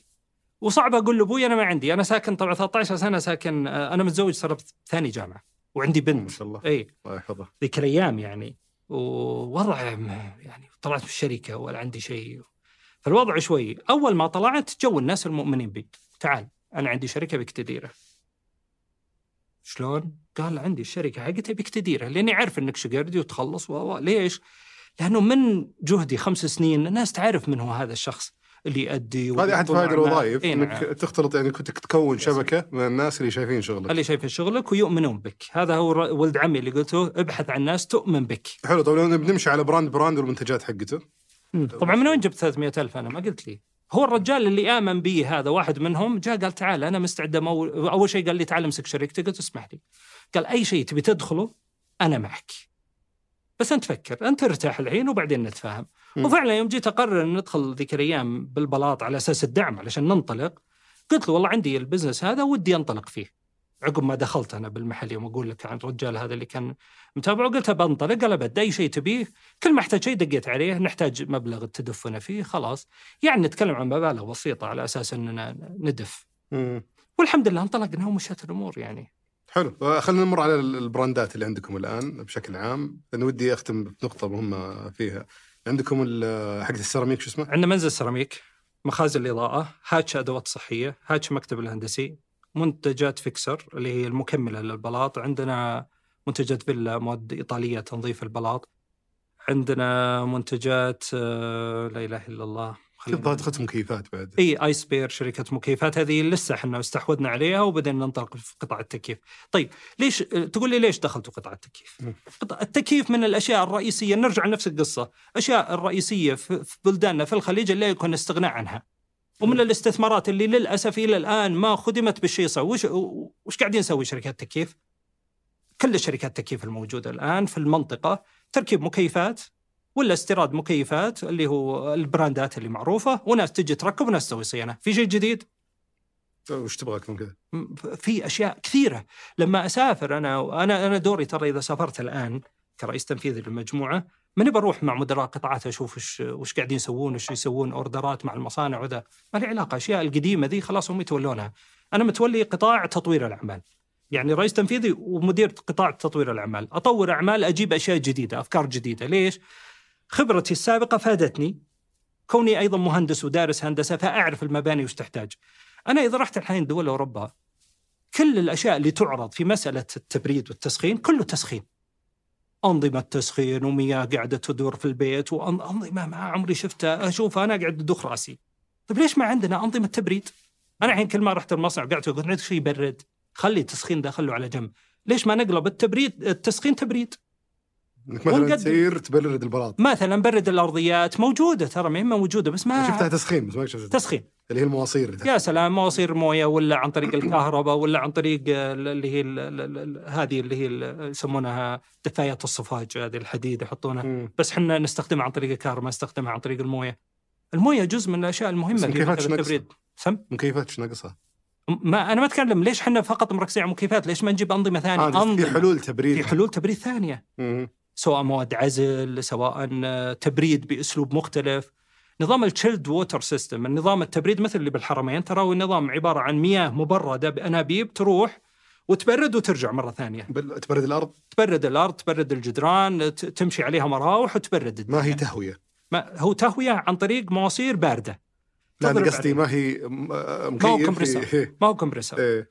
نظام chilled water system نظام مياه مبردة يمشي من خلالها الهواء فيجيك هواء بارد. فأنت على فكرة ليش فتحت المكتب الهندسي؟ ليش تقدم خدمات وانت قاعد تبيع طيب؟ ممتاز. المكتب الهندسي شوف ما ياكل عيش. وأنا أقول لكل المهندسين الآن اللي يسمعوني لا تحاولون قدر الإمكان تدقون بباب صعب إنك تطلع من خلاله. أغلب وأنا أقول لكم من الآن زملائي تعرفونهم المهندسين المبدعين لكن مصدر دخلهم ليس من المكاتب الهندسية، المكاتب الهندسية ساعدتهم لتكوين علاقات مع أناس استثمروا معهم في تطوير عقاري، استثمروا معهم في مطاعم، استثمروا معهم في أشياء أخرى فتحت لهم مجال لعلاقات. وش مشكلة بزنس المكاتب الهندسيه؟ مكاتب الهندسة مهما قدمت خدمة هندسة شوف الم- المجال الخدمي ما هو مجال مربح كثير إنه على أساس أنا أقدم لك خدمة يلزم أن أجلس وأرسم لك الرسمة وأعدها وأقعد ثلاثة شهور عشان أطلع لك حتى لو أخذت مبالغ اللي يقولون عنها البعض إنها مبالغ خرافية مبالغ مبالغ فيها يظل إنه الخدمة اللي نقدمها إحنا أكلف بكثير علينا لأنه مهندسين غاليين الناس ال- ال- اللي تخدم هالمجال ناس مو برخاص. م. والإنتاجية عندنا إذا أنا بقدم لك 120 لوحة أو 150 لوحة مفصلة بالتفاصيل اللي ترضيني أنا كمعماري محترف مخطط كمخططات. أنا أعطيك كتيب. في تفاصيل التفاصيل. فأعطيك اياه هذا بالنسبة لي يكلفني كثير. من وقت ثلاثة شهور. إحنا متعودين على مكتب تروح جنب البلدية ويعطيك كتالوج تختار منه ثلاث أيام يعدل لك المخطط ويقدمه للبلدية. عشان كذا تلقى بيوتنا زي بعض وبيتنا اللي بالملز ولا بالروضة ولا بالريان هو نفسه اللي بالشمال الآن قاعد يتنفذ للأسف هذا اللي قاعد يصير. بس ليش مكتب هندسي؟ الث- قعدنا نثقف الناس نقول لهم يا ناس غلط إني آخذ بيتي مثل بيت مشهور مثل بس نقطة إنه ما يوكل عيش لأنه مز- أنت قلت مكلف جدا مشاريع تأخذ وقت إيه. طويل. وهذول المكاتب حطوا له اثنين ثلاثة مستخدمين يخلصون مخططات وياخذ 5000 على المخطط اللي دخلوا البلدية وتعقيب و2000 ريال و... مكاتب تجارية مو التجارية يق- يخلص له بس سنة 1000 أنا ما أقدر أخلص لي بس سنة ولا 60 ولا يعني سويت على مثلاً أدائي. المكتب الهندسي ال- المكتب الهندسي سبب لي نقلة نوعية فيما أقدمه في العمل التجاري. شلون؟ أضاف لي اللمسة الفنية. كثير الحين من التجار يجون يقول والله مساعد يا أخي دخلنا محل أدوات صحية حقك فن. ما هو مثل محلات أدوات صحية المعتادين عليها اللي طريقة التركيب هي نفسها وأسلوب الخلاط نفسه. الحين لو تدخل محلاتنا وتشوف أسلوب طريقة عرض الأدوات الصحية تنبهر. ما قد شفته بحياتك. يعني وش وش- أسلوب مختلف. لا طريقة تثبيت وطريقة تعليق وطريقة ذا نحط ال size المقاسات. يعني السباك إذا جبته تقول له ترى هذه طريقة تركيب يصورها ويروح ينفذ. أحط لك الألوان وشلون آليتها طريقة ذا آه، يعني حتى اللي ما يفهم بالأدوات الصحية إذا جاء شاف فهم.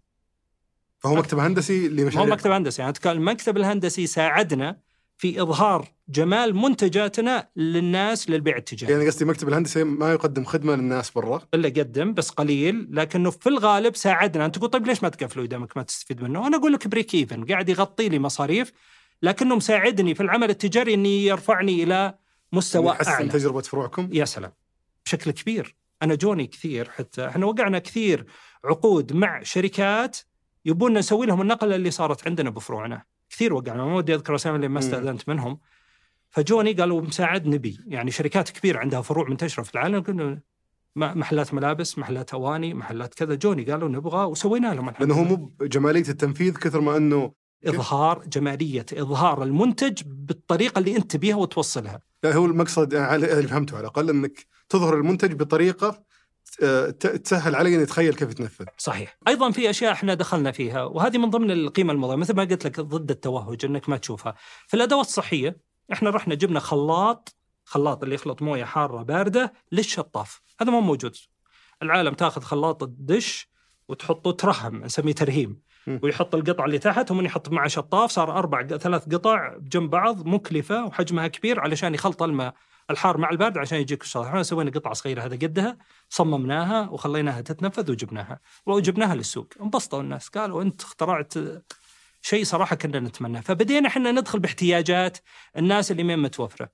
مثلا الشطاف. اشتغلنا على الش- الشطاف أنت تضغطه يصير حاد ولا ناعم. إحنا عندنا تلفة كذا بس يتغير الفلو حقه من حاد إلى ناعم إلى تقعد تتفنن فيه. مم.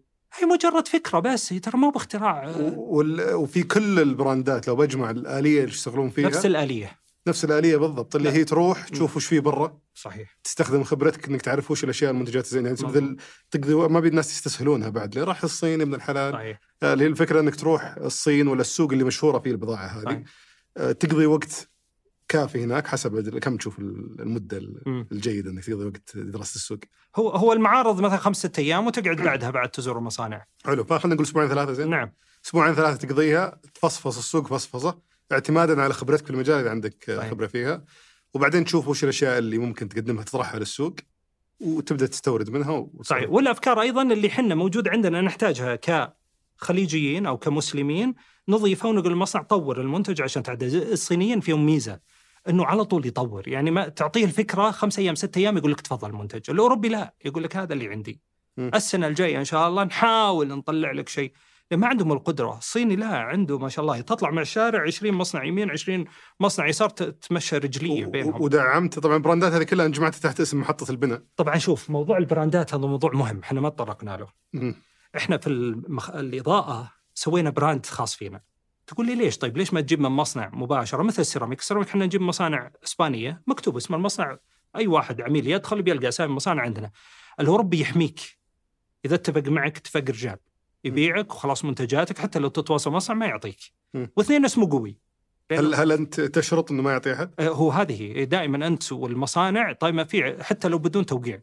تقول له أنا تعطيني مثل ما تقلنا أنه تعطيني هذا خاص فيني وبعد ست شهور إذا ما كررت يروح يبيعه غيرك. بس هذه بحقها طبعا. لا لا ما في حق لا لا ما في. أجل تشترط سحب معين يعني؟ إي سحب معين وعدد إذا ما كررت ترى من حقي إني أبيع مرة ثانية. كأنها وكالة. تقريبا تقدر تقول بعضها وكالة عامة على المصنع وبعضها وكالة على إحنا ما نحرص على الوكاله العامه لأنه يلزمك يا تاخذ المصنع كله. مم. فالمصنع كله فيه الزين اللي يناسبنا ويناسب بيئتنا فيقول هذا طالما إنك قاعد تسحب القدر هذا كل ست. شهور أمورك آه، تمام أمورك تمام ملتزم معك. نجي على الصين. الصين مشكلتها ما تحميك. يبيعك ويبيع 17 يعبوه بعد. ما عنده مشكلة.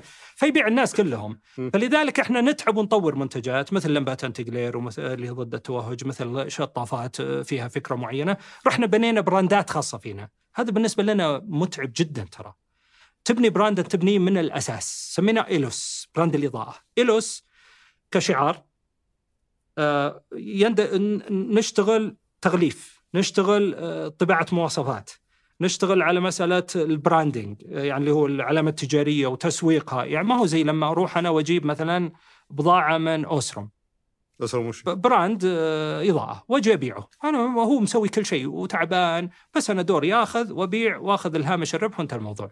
والسوق يعرفون. يعرفون وقضينا. لا أنا بديت أبني brand من جديد. إيه، بديت أحط مواصفاتي. تسويها مع المصانع الصينية؟ مع مصانع صينية. بديت أنا أجيب اللمبة هذه تقول أنا عندي لمبة أقول لك تعال حط لي CRI 95 عطني مثلا بدون flicker.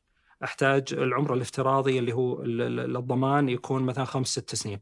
وأعطيه مواصفاتي كلها. إذا أعطيته هو ما يق- ما يسوي لي التغليف أنا عندي فريق عمل عندي بالسعودية هنا يروحون يسوون التغليف حقه اللي هو الكرتون تصميمه. مم. بعدين يرسلوهم يطبعونه وبعدين نجي. اي بس يعني ممكن الحين إيلوس في السوق موجودة باسم سوري. بعد. لا لا لا, لا خلاص لا ثانية لا لا يسويها. مسجلة.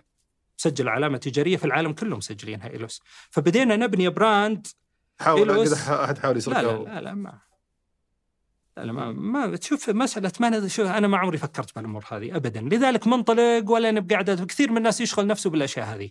مسجلين علامات تجارية في كل مكان في العالم في أوروبا مسجلينها في الصين مسجلينها في هونغ كونغ مسجلينها مسجلينها في دول الخليج كلها ف ما أنت قاعد تتابع الموضوع مو بقصة تتابع قصة إنه منطلقين ورايحين داعسين يعني ما إحنا بقاعدين نلتفت وراء ال- هذا بس ما ما هي موجودة. طبعا الناس مشغولة يا ابن حلال. حلو فأنت تسوي آه، ليش ما سويت فسوينا brand واشتغلنا عليه وبدينا الآن تدخل ال- الآن عندنا إحنا مثلا مخازن إضاءة. هذه وكيلة ت- هي اسم ماخذ إيلوس. إيلوس اللي تاخذ بضاعتها مخازن إضاءة بالسعودية وبالخليج. طبعا إيلوس هذه الآن لها معرض بالصين. أخذنا معرض بالصين إن شاء الله افتتاحه يوم 21 10 تبي تدخل تلقى براند إيلوس من ضمن المول. شفت المول الكبير ده دخلته أنا وأم عبد الرحمن قبل 17 سنة؟ داخله بشري. الحين دا الحين عندي معرض فيه. حلو اللي هو حق الإضاءة. حق الإضاءة. فالآن أخذت أنا معرض فيه 600 متر في مكاتب وشوروم. وش بيعرض هذا؟ هذا بيعرض منتجات إيلوس اللي هي منتجات مخازن إضاءة اللي موجودة هنا كلها. معروضة بال brand الأساسي اللي قاعد ينطلق للعالم كله. هو نفس مثل ما قلنا اوسرام فيليبس جنرال إلكتريك ال- ها؟ اللي يديرها أكيد. حطينا مدير صيني حطينا فريق عمل يتابع حطينا وبدينا ننشئ الفريق كامل على أساس إنه يدير. وش بيسوون هذولا إحنا السعودية قاعدين نشتري مباشرة من المصانع اللي إحنا نشتري منها خطوط إنتاج وننتج منتجاتنا وتغليفنا وكل شيء. هذا المحل بيفتح لنا أسواق ثانية، بيفتح لي ناس أنا يجون من الجزائر، من ليبيا، من العراق، دول عربية طبعا لأنه ارتباطهم معي بال social media. هذا. افتراض ولا صار؟ لا لا صاير. أوكي. يعني فيتواصلون معي دائما ابو عبد الرحمن نبي نفتح نبي العراق نبي ليبيا نبي الجزائر نبي المغرب نبي مدري إيه. والله فكرة ذكية. تكون متواجد في المعرض اللي التجار يروحون. عشان يدورون منتجات بحيث يبدون. لأنه أنت أنت تستورد من المصنع هذا؟ صحيح. وتورد برضو ال... يا سلام عليك. فالحين وش اللي صار؟ إنه تعال أنت من ليبيا تبي توقع معي؟ أوكي وش وش وش الوضع حقك؟ والله أنا تاجر وعندنا محلات كذا عندها خ... 30 محل مثلا ولا خمس محلات عندنا تجار كذا حجم مبيعاتنا كذا هذه فروعنا هذه نروح نزوره. أموره تمام حسينا أن الرجال ممكن يخدم بضاعتنا نقول له تعال تفضل روح للصين. أنت تعاقدت مع شركة في الصين للمعرض هذا لا ولا؟ لا لا أي أخذنا المعرض وجبنا مقاول. بس هي شركتك في الصين ولا؟ شركاتي في الصين شركة المجموعة ال group حقنا. كيف إجراءات فتح شركة في الصين؟ والله سهل ما ما هو صعب. شوف الصين فيهم فيهم مميزات. يعني أنت لو تبي تنشأ مصنع في الصين ما يطلبون منك ولا شيء اول سنة ولا شيء. سوي سجل تجاري واستاجر محل يدخل عليك مثلا مراقب يقول لك آه، أول ما يناظر إنه ما تميت سنة ما يكلمك يطلع يد- يدق ريوس. سنة بعد سنة إذا مشت أمورك تمام روح قدم أوراقك وضبط أمورك. ما مشت أمورك سكت وكل على الله. ما يبون يضغطون عليك في البداية وأنت توك بادي وهذه ميزة ترى في الصين في الصناعة. جميل. لا غرامات لا ولا شيء ولا شيء ولا يناظرك. قلت لك ما يطلب منك أي شيء. سجل تجاري بس عشان يعرفون إنك فاتح وعقد اجار ولا يبون منك رخصة مزاولة واللي في. المحل ذا يدور يقوم بدور الوسيط. طبعا أتكلم عن مصانع محل التجاري استأجرناه من المول وأسسنا شركة في الصين. إحنا عندنا شركة في هونغ كونغ. خلاص الشركة هذه بكرة إذا جانا هذا الاخونا اللي في ليبيا ولا في الجزائر واتفقنا معه وعرفنا إنه الرجال ذا نقول روح للصين. يروح يزور الصين يختار البضاعة حقته بأسعار اللي هي الصين. بس الخليج التوسع فيه بشكل مباشر. بشكل مباشر عن طريقنا نعم. وفتحنا يعني الإمارات إحنا شركاء معهم 60% يعني. فريق الامارات هنا شركة بال... إي نعم شركاء مع franchise. ولا؟ لا، أول شيء بدأت franchise يوم صارت علاقة جيدة. وأنا أقول لك لما تحسن العلاقة مع مع الناس والتجار يشاركونك. يعني في بعض ال ال ال شو اسمه الوكلاء عندنا ما لا يمكن إني اضخمه وأستثمر زيادة صراحة. فالمس- ما يجمل. فهذا كان في بعضهم لا. تستاهل إنك تضخمه سوقه قوي اداؤه ممتاز كفاءته عالية أمانة صدق إخلاص أداء عالي. خلاص أنا مستعد إني اضخمه ضخينا ف- فهذاك أداء آه، كان بالبداية وكيل صح. لكم وثم مع الوقت إيش سويت؟ مع الوقت توسعنا أكبر. محطة بناء هذه ما ما جيناها هذه. هذه هذه محطة البناء هو الاسم اللي يضم كل نعم. ال- فتوسعنا في محطة البناء آه، لأن عاد فتحنا بالشارجة فرعين ومن بعدين انتقلنا لدبي آه، فتحنا فيها معرض يعني استمر وكيل مو لا صارت شركة. آه شركة مشتركة بين. شركة مشتركة بعد ما فتحنا دبي. يعني صارت الحجم كبير والاستثمار عالي فدخلنا مع بعض وسوينا استثمار واحد. بس باسمكم. يعني اسم قصدي البراند. اسمنا إيه لأنه إحنا مسجل كعلامة تجارية والشركة م- مع بعض. قطر قريب إن شاء الله افتتاحنا بشهر عشرة. قطر أيضا سوينا joint ven... أو سوينا Joint franchise franchise مع أقوى شركة موجودة هنا شركة نبينا. نبينا من الشركات 70 سنة في تاريخ, المواد البناء. فدخلنا معها كمبنى مستقل يضم طبعا محطة البناء وش قصتها؟ خل أقول لك قصة نرجع شوي ورا. مرة أول ما أنشأنا الاسم التجاري اللي هو قلت لك اللبناني قبل منزل التسويق قبل. marketing home. منزل التسويق. أول ما فتحت حطيت منزل التسويق. الناس إذا مرت محل البلاط حقي يحسبونه بقالة. منزل التسويق. وش منزل التسويق؟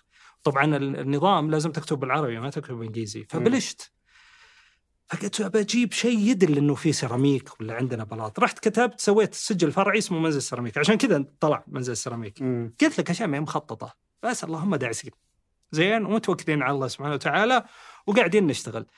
فعدلنا من منزل منزل التسويق ترى ما كان يظهر أصلا. كان منزل سيراميك هو اللي بالصورة. منزل التسويق هذا استيراد. بعدين يوم انطلقنا فيه بدينا مخازن إضاءة شفاه إضاءة. فربط بإضاءة. حلو. أنا بس ودي ودي عشان ما نتشتت أركز على. جانب التوسع.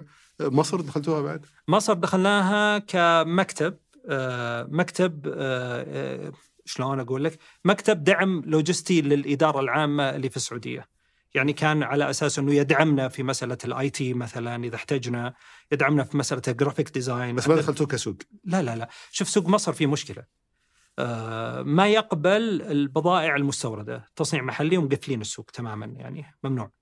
هذا صايره قبل فترة ما هي ما هي طويله. مم. بس الاستيراد الظاهر والله أعلم كأني سمعت إنه فقط مشاريع الدولة هي اللي تستورد عن طريق الجيش الظاهر أو شيء زي كذا.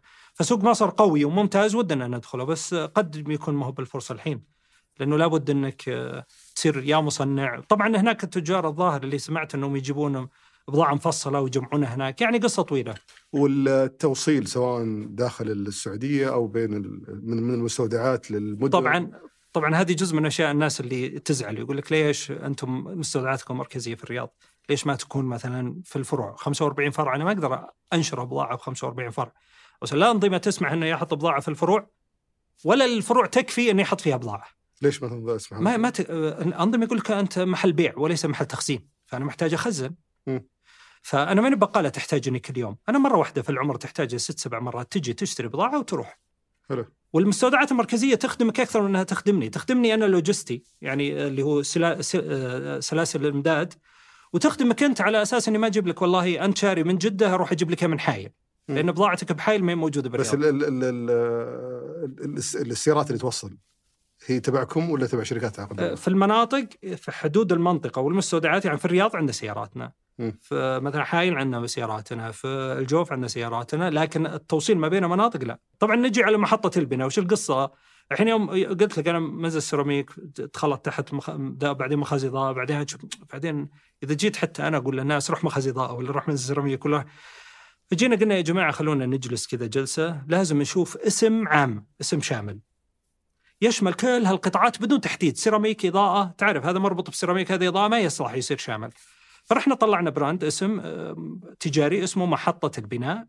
هي محطة عبارة عن one stop shop يعني مكان واحد تقف فيه وتقدر تتبضع أغراضك لمواد البناء. فرحنا دخلنا الآن وش سوينا؟ منزل سيراميك يدخل تحت محطة بناء، مخازن اضاءه تدخل محطة بناء، منزل آه، هاتشة أدوات صحية تدخل. كل المنتجات تدخل تحت محطة البناء، أول ما بدينا بدبي. معرض 2300 متر تدخل وتلقى كل شيء موجود. فبادينا الحين البراندات ذي ندخلها تحت محطة بناء ومحطة بناء هي اللي تطلع. في فكرة إلغاء البراندات لا مو بإلغاء ندخلها تحت كعلامات إنه تجارية بتصير عندك مثلا الاسم العام. ال- الأول وش محطة البناء محطة بناء يعني في أحد الأمثلة مثلا محطة البناء خازن إضاءة صح إلوس ما تحس إنه لا شوف إحنا محطة البناء الاسم الكبير اللي تبي تشوفه بعدين لوجوات صغيرة على جنب كذا مخازي ضاء مزز وعلى طاري الم- التصميم المنتجات حقتكم أنتم تصممونها؟ صحيح.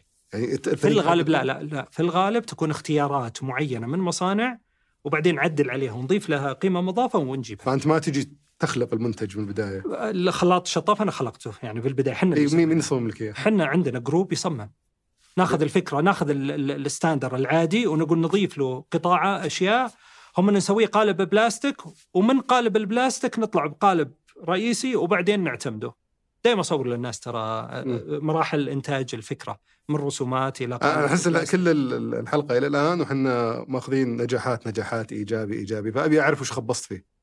شوف أول أشياء ما فعلا فشلت فيها ما قدرت طيب أنا أول ما بديت للأسف بديت مع شخص يعني نقدر نقول ما هو بقصة ثقة قصة ما عنده ما عنده شغف ما عنده حب. مجرد يلا خلينا ندخل نشتغل بالأخير بياخذ هو مرتب وانتهى الموضوع. فخبص كثير. يوم جيت أنا دخلت في القطاع يوم طلعت من الشركة وأشوف الدنيا خبصة. يعني الغامق مو ماشي مع الفاتح الأحزمة موجودة الدنيا لو جاء زبون بيشتري ما بلاقي شيء يشتريه. شوف الشيء الوحيد اللي أخطيته وأتمنى ما حد يخطيه إنك تدخل في استثمار آخر وأنت لسه ذا ما دق سلف ولا عندك فلوس يعني بمعنى أنا يوم دخلت بالبلاط شوي رحت مرة ما أدري كذا أنا وواحد وشفنا آه، هذه أكواب زي هذه صحون وجميلة وزخرفه وجازت لي. وش رأيك؟ ما وش رأيك؟ ضخيت فيها حطيت فيها ما أدري والله قرشين. كنت محتاجها أكثر شيء بالبلاط لأني لسه توي باتي. مم. وضيعت فلوس هنا. لا قدرت ابيع هذه لأنه ما حد يعرفني إني أبيع منتجات فندقية. جزمك في البلاط. أنا أنا أنا تخصصي هندسي آه، عندي محلات بلاط ورحت جبت أدوات آه، تخ- تخص المطاعم. والكافيات والفنادق. أصلا ما عندي حتى بياعين يعرفون للفنادق إيه. وحقين الفنادق ما يعرفوني إني أبيع صحون. صح. ففشلت قاعد أوزعها الحين هدايا ليومك ذا عندي بالمستودع. فهذه علمتني درس إنه ما أدخل شيء. ما أفهم فيه. ما أدخل شيء وأنا ما عندي له فلوس ما أحتاجها. لأن بعض الأحيان أنت متى تدخل باستثمار؟ أنت مثلا مشهور ناجح في شغل معين. وأنا عندي 300 400 ألف على جنب ذي ما أحتاجها ابدا ومتأكد إني ما أحتاجها. أقول لك خلاص بدخل معك في 300 400 بس مو براح آخذ من منزل سيراميكا ومخازي ضاء ومحطة البناء قروش قاعدة تشتغل ويحتاجها عملي الأساسي وقلت تفضل يلا والله فرصة خليني ألحق عليها، الدنيا صح. كلها فرص. صح. فرص واجد بس ما تقدر تلحق على كل الفرص. فالتركيز أكثر على مجالك وقطاعك هو من أهم الأشياء اللي تفهم تعلم فيه ولا تقعد تلاحق الفرص هذه تعلمتها من البداية، شوف كل شيء يصير بالبداية اتعلم منه درس. وكل ال- بما أنكم يعني ال- طريقة اختياركم المنتجات هي المنتجات اللي جديدة على السوق وأغلى من السوق أغلى من المنتجات الموجوده في السوق لا ما فأنت- بغلى أنا إذا صارت مثل تصير مثل ترى إذا صار فيها اتبالي ونحط بس أنت فيها. مستخدم السوشيال ميديا عندك للتوعية بشكل رئيسي أه وأتصور شفت منها أثر كبير ولا ما كان كملت الآن؟ لا شوف أنا ما, ما حد يكذب انه إنه شوف الناس عندها حس آه، قوي جدا ويعرفون إنك صادق ولا ما أنت بصادق، قاعد تسوق ولا قاعد يعني آخرها مروحه الشفط اللي تكلمنا عنها. مروحه الشفط معروفة وموجوده في العالم كله وفي تجار كثير قدامى هنا وعندهم براندات شغالة بيتي وبيتك وبيت سعود بيوت السعودية كلها نفس البراند ونفس المروحة. طيب إيش تطور فيها؟ يوم قعدنا ندرس الموضوع ترى جزء من مشاكل فاتورة الكهرباء إنها ترتفع اللي مروحة الشفط. طيب هل هي الفات التش- الشفط تصرف؟ لا ما هي مروحة الشفط تصرف. مروحة الشفط تسحب الهواء البارد اللي موجود قاعدين نبرد الغرفة وتطلعه برا مقابل ومن تحت الباب قاعد يدخل هواء جديد حار والمكيف يستمر إنه إيش؟ طيب وش الحلول هذه؟ في ناس كثير ما. يرفع صرفيه المكيف صح. فكذا الناس يعني حتى يوم نزلتها بت- بتويتر وبال social media في كثير ناس علقوا يا أخي لا تقعد تكذب علينا مو منطقي الكلام ذا اللي تقوله سك الباب وما يطلع المكيف حط منشفه يا أخوي حط. منشفه طيب وشو؟ طيب الم- المروحه تبي توقف. لا هي تبي تسحب هواء من تحت الباب من فوق الباب من فوق الجبس تبي تدبر لك هواء تبي تسحبه. مقابل الهواء اللي يطلع إحنا بالفراغ. هنا نقول إيش؟ هواء عايشين بهواء. ما في فراغ بدون هواء إذا بدون هواء قال كذا الدنيا صكت على بعض. فالهواء عايشينه حنا لذلك رحنا وش سوينا؟ سوينا حساس حركة. إذا دخلت اشتغلت مروحه شفط إذا طلعت فصلت طيب قعدت يومين ما دخلت دورة مياه ارتفعت الرطوبة الكتمة لحظة أنت كنت تتكلم عن المطبخ ولا عن دورتين؟ كمان دورة مياه. آه أوكي. نجي حساس الثاني حطينا حق رطوبه إذا إذا كتم الحمام تشتغل المروحه إذا راحت الكتمة طفت. بالمطبخ أضفنا حساس دخان. إذا جاء دخان اشتغلت. ما باشتغلت تعطيك ألارم على جواله يعني آه، إشعار على جوالك ترى في حريق. لا وحطينا ريموت وحطينا تطبيق. فخليناها ذكية. تقدر تتحكم فيها وبعدين تزيدها تقويها تنقل. طيب هل هي موجودة؟ بس وين موجودة؟ إحنا طورنا. مروحة شافنا كلنا نعرف مروحة شاف لكن أضفنا فيها حساسات وسنسور و و و هذه القيمة المضافة اللي دائما إحنا. طيب تقول شلون فكرت فيها؟ أقول لك هذه شغلتي. أنا مهندس. أنا كل يوم بالبناء. كل يوم أعيش وأكل وأشرب في مجال البناء. أخويا كلهم مهندسين. نقعد مع بعض نعالج نف- مثل الدكتور إذا قاعد في مكان ولا زملاء ولا هندسة كل واحد يعرض مشاكله ويعرض ال- ال- الأشياء اللي وصلته مثلا مرضى معينين كيف عالجهم؟ ما تخاف يرتبط لأن صراحة خاصة في سوقنا هنا قليل جدا تواجد الرؤساء التنفيذيين في إنهم كصناع محتوى. فما تخشى أن هالشيء يربط الشركة بزيادة باسمك أنت؟ طبعا هذا جزء من الأشياء اللي قاعد أضغط على فريق ال- التسويق عندنا. اللي هي التسويق وال social media إنه لا تعتمدون على مساعد في مسألة تسويق المنتجات أو عرضها لكن الناس ما تثق بالشركات في مسألة الطرح م. تثق بالأفراد اللي تثق فيها. فجزء الحمد لله من من من نجاحنا أنا أقول اربطوا توفيق الله سبحانه وتعالى ثم ثقة الناس بمساعد. وهذه تراها زينة وشينة في نفس الوقت. يعني زين أن إن أنها جيدة لنا للتسويق والناس يثقون بمساعد واللي يقدموا مساعد وهذه جزء من الأشياء اللي قلت لك إنك تبني الثقة سواء مع التجار تبنيها مع ال- العملاء اللي عندك في مساله المصداقية في البضاعة اللي تقدمها ومعالجة مشاكلهم. ثقتك ما بينك وما بين زملائك في مسألة الممارسات والعلاقات. فالناس ما هي بغبية ما تفهم أنت قاعد تكذب ولا قاعد تقدم شيء صح. فبالنسبة لي أنا شيء مرهق في مسألة إني أقدم شيء، أنا والله العظيم محمد الخويطر عندنا نائب مدير عام مخازن اضاءه يجيني أبو عبد الرحمن تعال صور عندنا، أقول إيش عندك جديد؟ يقول هذه، أقول هذه ما فيها قيمة مضافة اصورها. مثلها مثل جيرانك كذا تعامل معهم الشباب عندنا. طيب أبو عبد الرحمن عندنا شغلة فلان قلت له عطني شيء له قيمة مضافة لأنه أنا إذا قدمت الشيء لازم أقدمه بمصداقيه انه في شيء قيمة مضافة، لكن ما نقعد نطبل للشيء والشيء أصلا ما في شيء مضاف. مم. إذا عندك لمبتك هذه تراها مثل لمبة الجيران اللهم عندك شغلة add value فيها قيمة مضافة كذا أكيد في جزء من الناس يشوفونها كتعارض بين يعني كانوا ما بين اللي قاعد تروج له كنصائح مم. وما بين عندك business صحيح في ناس في ناس معينة أو أو جزء بسيط يعني هو يصل له شعور إنه أنا قاعد أسوق ما قاعد أقدم محتوى طيب هذه اللي أنتم تسوونها المنافسين إيش يسوون؟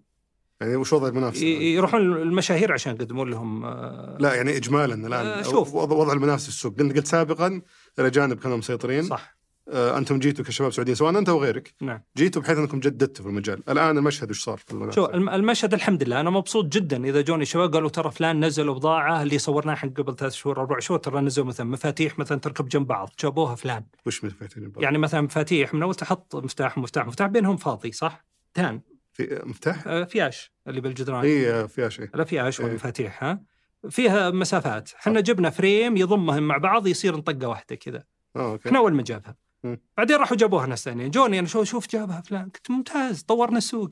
مم. جبنا شيء جديد غيرنا شوي من العقلية الأفياش اللي كل عمرها زي بس ما هي. آه، آه، التواجد الأجانب مقارنه بالماضي كيف تشوفوا؟ مع السعوديين والأجانب السعوديين مستوى تأثيرهم أكبر بكثير. لا لا إحنا عدينا. مم. عدينا كثير كثير. ليش؟ لأنهم هم يظلون إلى الآن على نفس المستوى اللي كانوا يقدمونه متعلمين التجارة بناء على كان إنهم تجار وليسوا أصحاب تخصص. والجيد ليش؟ أنا من يتابعني.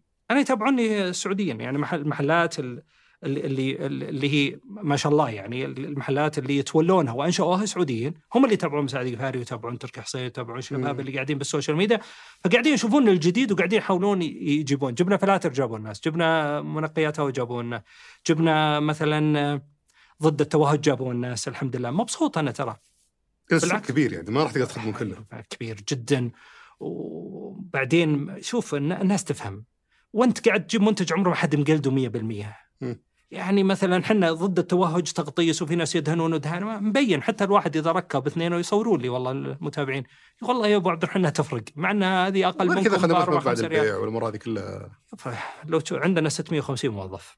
45 فرع منتجر حول العالم. آه، أداء وكفاءة عالية من الشباب اللي عندنا ما شاء الله.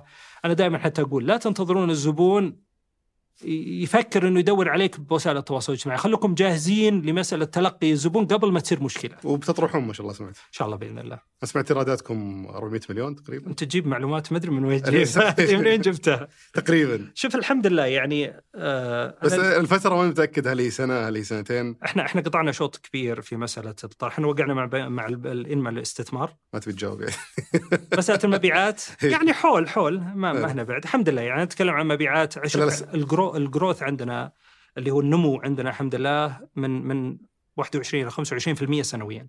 حتى في كورونا إحنا عندنا جروث 21% اللي هو نمو في المبيعات. تقول لي شلون جبتوها هذه؟ أنا من التجار قد أكون من القليلين اللي ما وقف استيراد أيام كورونا. ما وقفت. ليش؟ استورد. أول شيء عندي في سيولة. أنا سلسله الامداد نفسها يا سلام أنا عندي سيولة. الحمد لله. ليش؟ لأن عندي 35 فرع، عندي تدفقات نقدية عالية لأن ما عندي بضاعة، خوينا اللي قلت لك أعطاني وعلمني درس أبو خ- 30000 دفع لي 15 وبعدين كمل الباقي طبعا وما كان لي شيء. بس إنه تعبني خلاني أتوسع بالفروع إلى درجه إنه أنا يوميا أقفل محلاتي الساعة 10 كل الفلوس اللي بعتها داخل حسابي ما أروح أطالب الناس. فعندي كاش فلو حلو. اللي سيوله. سيوله حلوة.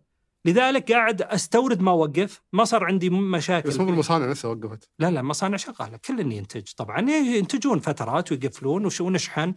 فيوم طبعا ال- الفكرة وين؟ تقول لي أنت رئيس تنفيذي قاعد تخاطر بالشركة، أقول لك إلى متى إحنا نبي نقفل؟ كورونا جت وبعدين إحنا لازم نعيش، لازم ناكل، لازم نتعايش مع الوضع سواء استمر ولا انقطع. فكنت عبي يا شباب لا توقفون حتى مدراء القطاعات ما توقف عزز مخزون من يوم ما تفتح المحلات ترى كنت اللي تبي؟ تبي تكون لك آه، نصيب الأسد من مسات وفعلا قعدنا ست شهور والحمد لله مبيعاتنا جدا عالية. السنة دي كان عندنا جروث 21 22% يعني نمو في المبيعات. حتى يوم جينا على بنك الانما وميزانياتنا اللي نقدمها للبنك وللمستشارين عشان مسألة الطرح يقولون كل الشركات قاعد تقدم 2020 دمار شامل خسائر.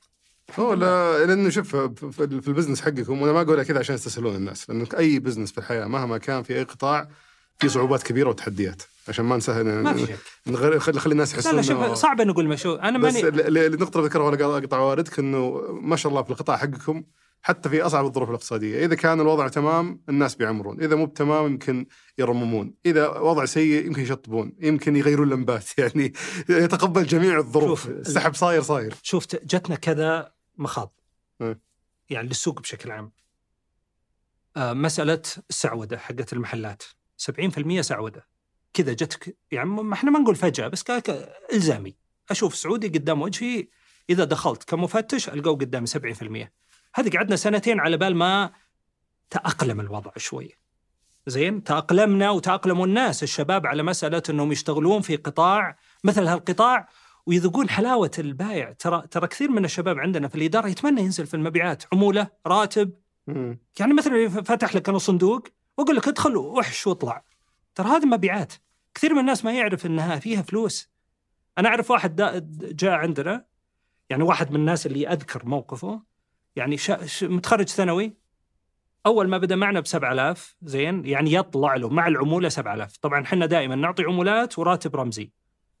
فيجيب يعني ال ال ال الرد يعني الوسط العادي يجيب 7 6 ونص 7 هذا يجيب 13 14 13 14 13 شرى أرض وبيتزوج.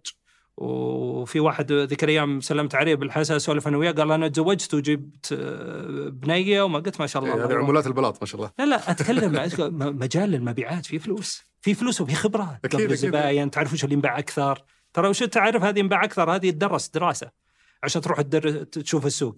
تعرف وش ينباع وش ما ينباع الناس شلون تبي تفتح بكرة استثمار ترى مرة ممتاز متى. نتوقع فالمخاض فالمخاض هذا وش سوى؟ طلع ناس كثير من السوق من اللي استفاد؟ استفاد حنا اللي أصرينا أننا نبقى أصرينا أننا نواكب الالتزام هذا ونتحمل اعبائه في مسألة رفع التكلفة، طبعا التكلفة أكيد ارتفعت. إحنا صار عندنا دبل عدد الشباب السعوديين لأنه إلزامي صار فالرواتب بدل ما هي كانت مليون صارت مليون ونص ف في في- لكن في ناس كثير سكروا قالوا لا إحنا ما نقدر. السلام عليكم مع السلامة. اللي هي قصة الباص. يركبون فيه في البداية 100 ما يوصل للدمام واصل اثنين. هذول التجار. اللي اللي صاملين. أغلب الناس ينزلون بنص الطريق 50% صرف شوي قال لك لا لا حبيبي خلينا نهون وننزل لا أقعد يبدا يكتشف ال- الواقع يكتب. يكتب الواقع لذلك ما, ما في مطر. متى تطرحون إن شاء الله؟ والله إحنا إن شاء الله نقول ملفنا خلال شهرين ثلاث شهور نقدمه للهيئة لأنه قاعدين قلت لك إحنا انتقلنا من مؤسسة فردية آه، ضميت كل الفروع. طبعا الفروع حقتنا جزء منها franchise مم. franchise بطريقتنا يعني وكالات يعني. آه، أو امتياز تجاري عفوا. امتياز تجاري لكن بأسلوب مختلف شوي. مم. الفروع باسمنا كل شيء لنا. وذولاك مجرد إدارة بشكل عام. مشاركة مشاركة أرباح. في في مقابل الإدارة. وبعدين يوم جت ال- فكرة الطرح قلنا لهم تعالوا اجتمعنا إحنا وياهم قلنا إحنا توجهنا كذا تدخلون معنا؟ قالوا نعم. ضمينا كل ال group وصار الآن آه، مجموعة آه، يعني. شركة واحدة كلهم عندهم نسب؟ نعم كلهم نسب. تقريبا آه، 18% للشركاء اللي هم ال franchise وأنا والداعم الرئيسي آه، نص بنص تقريبا 42 ذكرتي عن النسب ما تكلمنا عن هوامش الربح في المنتجات. هوامش المنتجات نفسها ما بين البلاط والإضاءة وال طيب خلينا نتكلم عن الهوامش بشكل عام، أنا مقيد بسعر السوق وهذه كثير من الناس ما يعرف كيف يقدر سعر السلعة هذه، شلون تنباع. إحنا إذا جينا ندرس سلعة جديدة، مثلا أدوات صحية خلينا نبسطها، أنا داخل قطاع جديد وجبت أدوات صحية وجبت موردين، رحت لفيت المصانع أو المعارض ولقيت لي كم مورد عنده بضاعة حلوة وزينة وأقدر أطور معاه وعنده استعداد يشتغل معي ويعطيني brand حقي وأضبط الأمور. أجي وش أسوي؟ أجيب الأسعار حقته وأروح للشباب أقول روحوا ادرسوا لي أسعار السوق المثل هالمنتجات قريبة منها. عند ناس منافسين. لو أنا أطرحها يكونون نفس ال level نفس المستوى مش أقل ولا أكثر. يروحون يسوون لي الدراسة يقولون والله ترى هذا أنت شاريها مثلا شاريها ب 200 ريال ترى تنباع بالسوق ب 300. أقول له ممتاز. طيب اللي ب 200 هذه كم تكلفة شحنها؟ يقول أضف لها 15%. طيب كم مصاريفنا الإدارية إحنا ال overhead نسميها؟ قال 35% إحنا وصلنا overhead 35% يعتبر عالي جدا. لأنه في مصاريف كثيرة تغيرت 35% أضيفوها.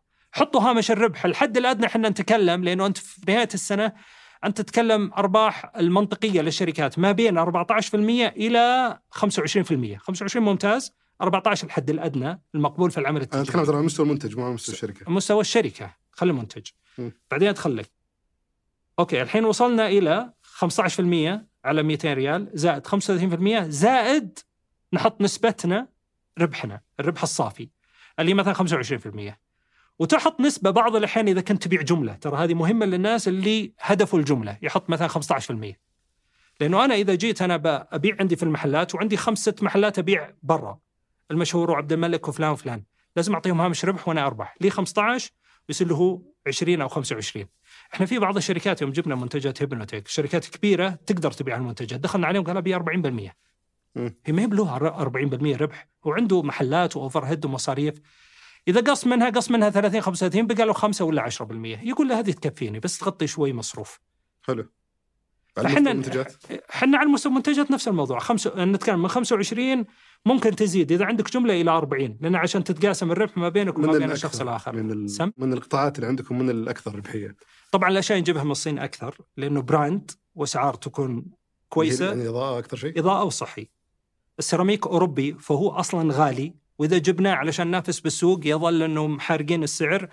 فمجال الحر... يعني حتى لو جاني زبون أنا بعض الأحيان يحرجك في مسألة. تدري إن 17 سنة ما قد سوينا. تخفيضات؟ أوه ما شاء الله. ابدا. نعزز الثقافة ذي عند الناس في منتجاتنا.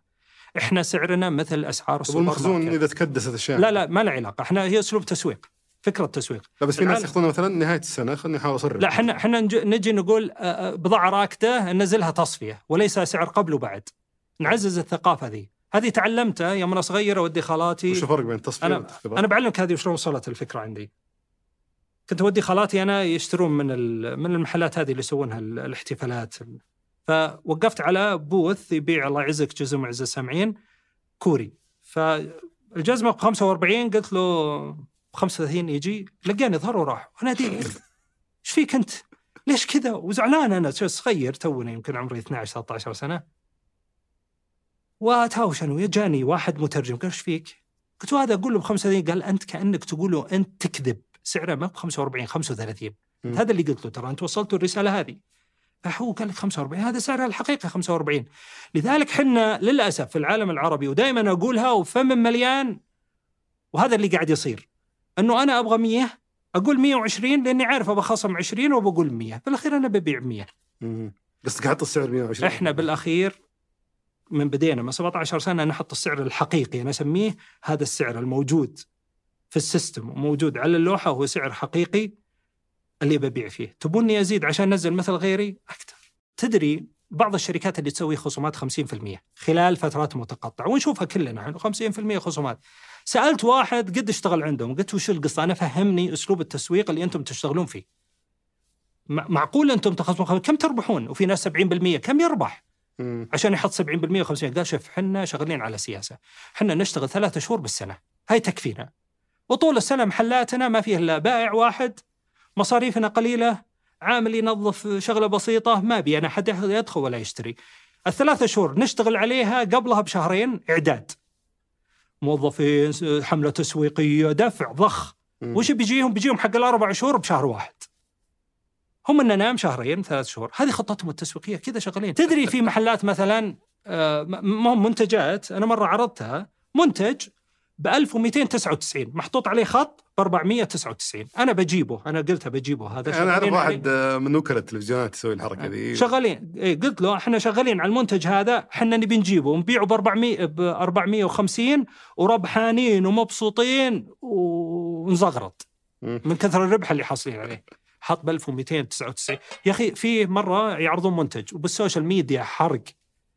سعر المنتج 1750 بعد التخفيض 1000 و 1150 مع كود الخصم 750 تو جديد المنتج م- تو تو نازل بالسوق يعني ما يمديك اي كذا كله هو كثير. هو أصلا آه. 750 يعتبر سعر مرة ممتاز للتاجر. بس ابدا من فوق وانزل انزل انزل التسويق. أنا أسميه هذا التسويق أو الترويج السعري. يعني أنا أدغدغ مشاعرك بالأسعار. أنا ما أدغدغ مشاعرك. إحنا مجموعتنا ما تدغدغ مشاعر بالأسعار ولا عمري حتى تكلمنا عن الأسعار. إحنا ندغدغ مشاعرك بالجودة. وش معنى الجودة؟ يا كثر يقولون جودة. أقول لك CRI عالي. life time عمر افتراضي عالي. ما في flicker أقدم لك منتج يعيش فترة طويلة. آه ما يجيك صداع. آه أقدم لك منتج مو موجود ما بالسوق. آه ما, جو- إيه ما يصرف كهرباء. أحل لك مشكلة صايرة عندك في البيت. وأقدم لك إياه بالسعر اللي أنا أبيه. تبيني ازيد عشان أنزل أنا ما أسويها. 17 سنة وأقولها ومبسوط معه لو سوينا تخفيضات. مجرد إنه في عندنا منتجات. مضى عليها أربع خمس سنين نبي نطلعها. مثلا أمتار 5 متر 20 متر 30 متر بلاط باقية. بتصفيها. تصفية نسميها. حتى حلو. ما نسوي قبل وبعد. نقول تصفية. اللي بياخذ ياخذ. تمام. وين متوجهين غير الطرح؟ هل في أشياء؟ ما شاء الله أنتم ذكرت يعني مجموعة أشياء في التوسع في المنتجات اللي غطيتوها. في الشركة استحوذوا عليها التكييف. في شيء باقي غير شوف ال- ال- الحلم يعني الحلم الرئيسي هو محطة البناء والحمد لله تحقق في المنتجات اللي فيه وقاعدين ندعمه أكثر بقطاعات تخدمنا. ودي فعلا اللي, اللي قاعد أفكر فيه ودنا فعلا نصل له أننا نصل إلى مرحلة أن نقدم حلول مبتكرة في البناء نفتقدها في عالمنا العربي. يعني مثل قصة تكييف وتبريد ليش نبدأ أشياء تقليدية ونشتغل على أشياء تكلفنا والآن الموضوع ترى الآن ما هو متوقف على مسألة فاتورة الكهرباء كل ما لها بترتفع والسبب المواد الخام قاعدة ترتفع، البترول قاعد يرتفع سعره، المصاريف قاعدة ترتفع، أشياء فقاعدة تثقل كاهل الشخص، لازم أنت تحط سليوش حلول من أول الناس ما تفرق معها شغال المكيف ولا ما هو شغال. بس الحلول هذه عشان. تضمن تطبيقها تتعامل مع بس اللي يبيعون جملة ولا ممكن تروح مع تشتغل مع مطورين عقاريين مثلا ولا تس- تسوي شراكات معهم جزء من مسألة تثقيف. يا أخي أنا أنشر لك مروحه تعالج مشكلة لا تشتري من عندي روح اشتري من السوق إذا أحد طور. إيه بس هل عندك شراكات مع ناس في السوق غير اللي يبيعون جملة مطورين عقاريين مقاولين معروفين مكاتب هندسية بحيث إنك تضمن إنه في بيكون في سحب كبير على مشاريع معينة مثلا كثير من القطاعات الحمد لله شوف في, في الإضاءة من الدراسة اللي سويناها على هيئة سوق الماء يعني على أساس نقدم على هيئة سوق لازم تسوي دراسة سوقية. إحنا نمثل كمبيعات retail 30% من السوق في ال lighting في الإنارة يعتبر رقم مرة ممتاز. مبيعات تجزئة مبيعات تجزئة نعتبر رقم واحد الحمد لله في مبيعات التجزئة. آه، الر- ال retail ال- مبيعات المشاريع للأسف إلى الآن مشاريع نتكلم مشاريع مبيعات تجزئة على مستوى كل المنتجات؟ لا لا ال lighting الاناره. حلو. في الإنارة هذا الرقم اللي أذكره. القطاعات الثانية ما أذكرها صراحة. آه، على مستوى المشاريع بضاعتنا شوي آه، يعني حارة عليهم شوي شوي مو بواجد. يبون ارخص يعني. يبون أرخص فدائما يقدمون حلول على أساس إنه يبيع بقيمة أرخص. يعني راعي الشقة ولا راعي المبنى يبي يبيع بالاخير يقول لك ليش أروح؟ ابى اشتري لمبة أرخص، بشتري مفتاح أرخص، بشتري بلاطة أرخص، بشتري كذا أرخص، لكن اللي حقين النوعية فيه، في عندنا كم مشروع ياخذ من عندنا وينبسط ويحط إشعاراتنا. يعني مثلا يحط مخازي ضامن سيراميك كذا من الناس اللي اد فاليو سابك فهمت؟ أنا أبو عبد الرحمن بختم معك بسؤال يمكن ما صرت أسأله مع كل ضيف ال- ال- الموسم هذا بس أسأله يعني إذا كان ال- ال- المناسب الوضع ال- لو بيرجع فيك الزمن إلى أول يوم بديت فيه المشروع بنفس خبراتك ونفس معلوماتك اللي عندك إياها اليوم وش الأشياء اللي بتتجنبها وبتسويها وقتها؟ يعني ما أعتقد إنه في أشياء أنا قلت لك ماني مخاطر كثير خاصة مع الناس وهذه جزء من الأشياء اللي أجدها مشاكل دائما تحدث بالشراكات وحتى الاستشارات يجيني. الشراكات دائما يقول قدر الشراكة ما يفوح. أنا وفقت الحمد لله بشخص كان موجود معي وهم هم موجود أصلا. م. لكن آه، يعني خفت الله سبحانه وتعالى في مسألة العمل معه إنه كل شركة أدخلها وكل استثمار أدخله هو معي رجلي برجله ان دخلنا أربعة فهو خامسنا. حلو. فدائما أنا أدخل بسهمين. إذا قالوا لا أقول هذا واحد من السماء ما حد يدري عنه. فكنت الحمد لله مخلص في هالجانب. دائما حتى في مسألة انتقالي إلى شركة كلمت الشركاء قلت لهم شغلة واحدة انتظروني سنة. أنا أدرت هال هالمنشأة الحمد لله لين وصلنا إلى هذا المكان وكنا نفتخر الحمد لله بتوفيق رب العالمين.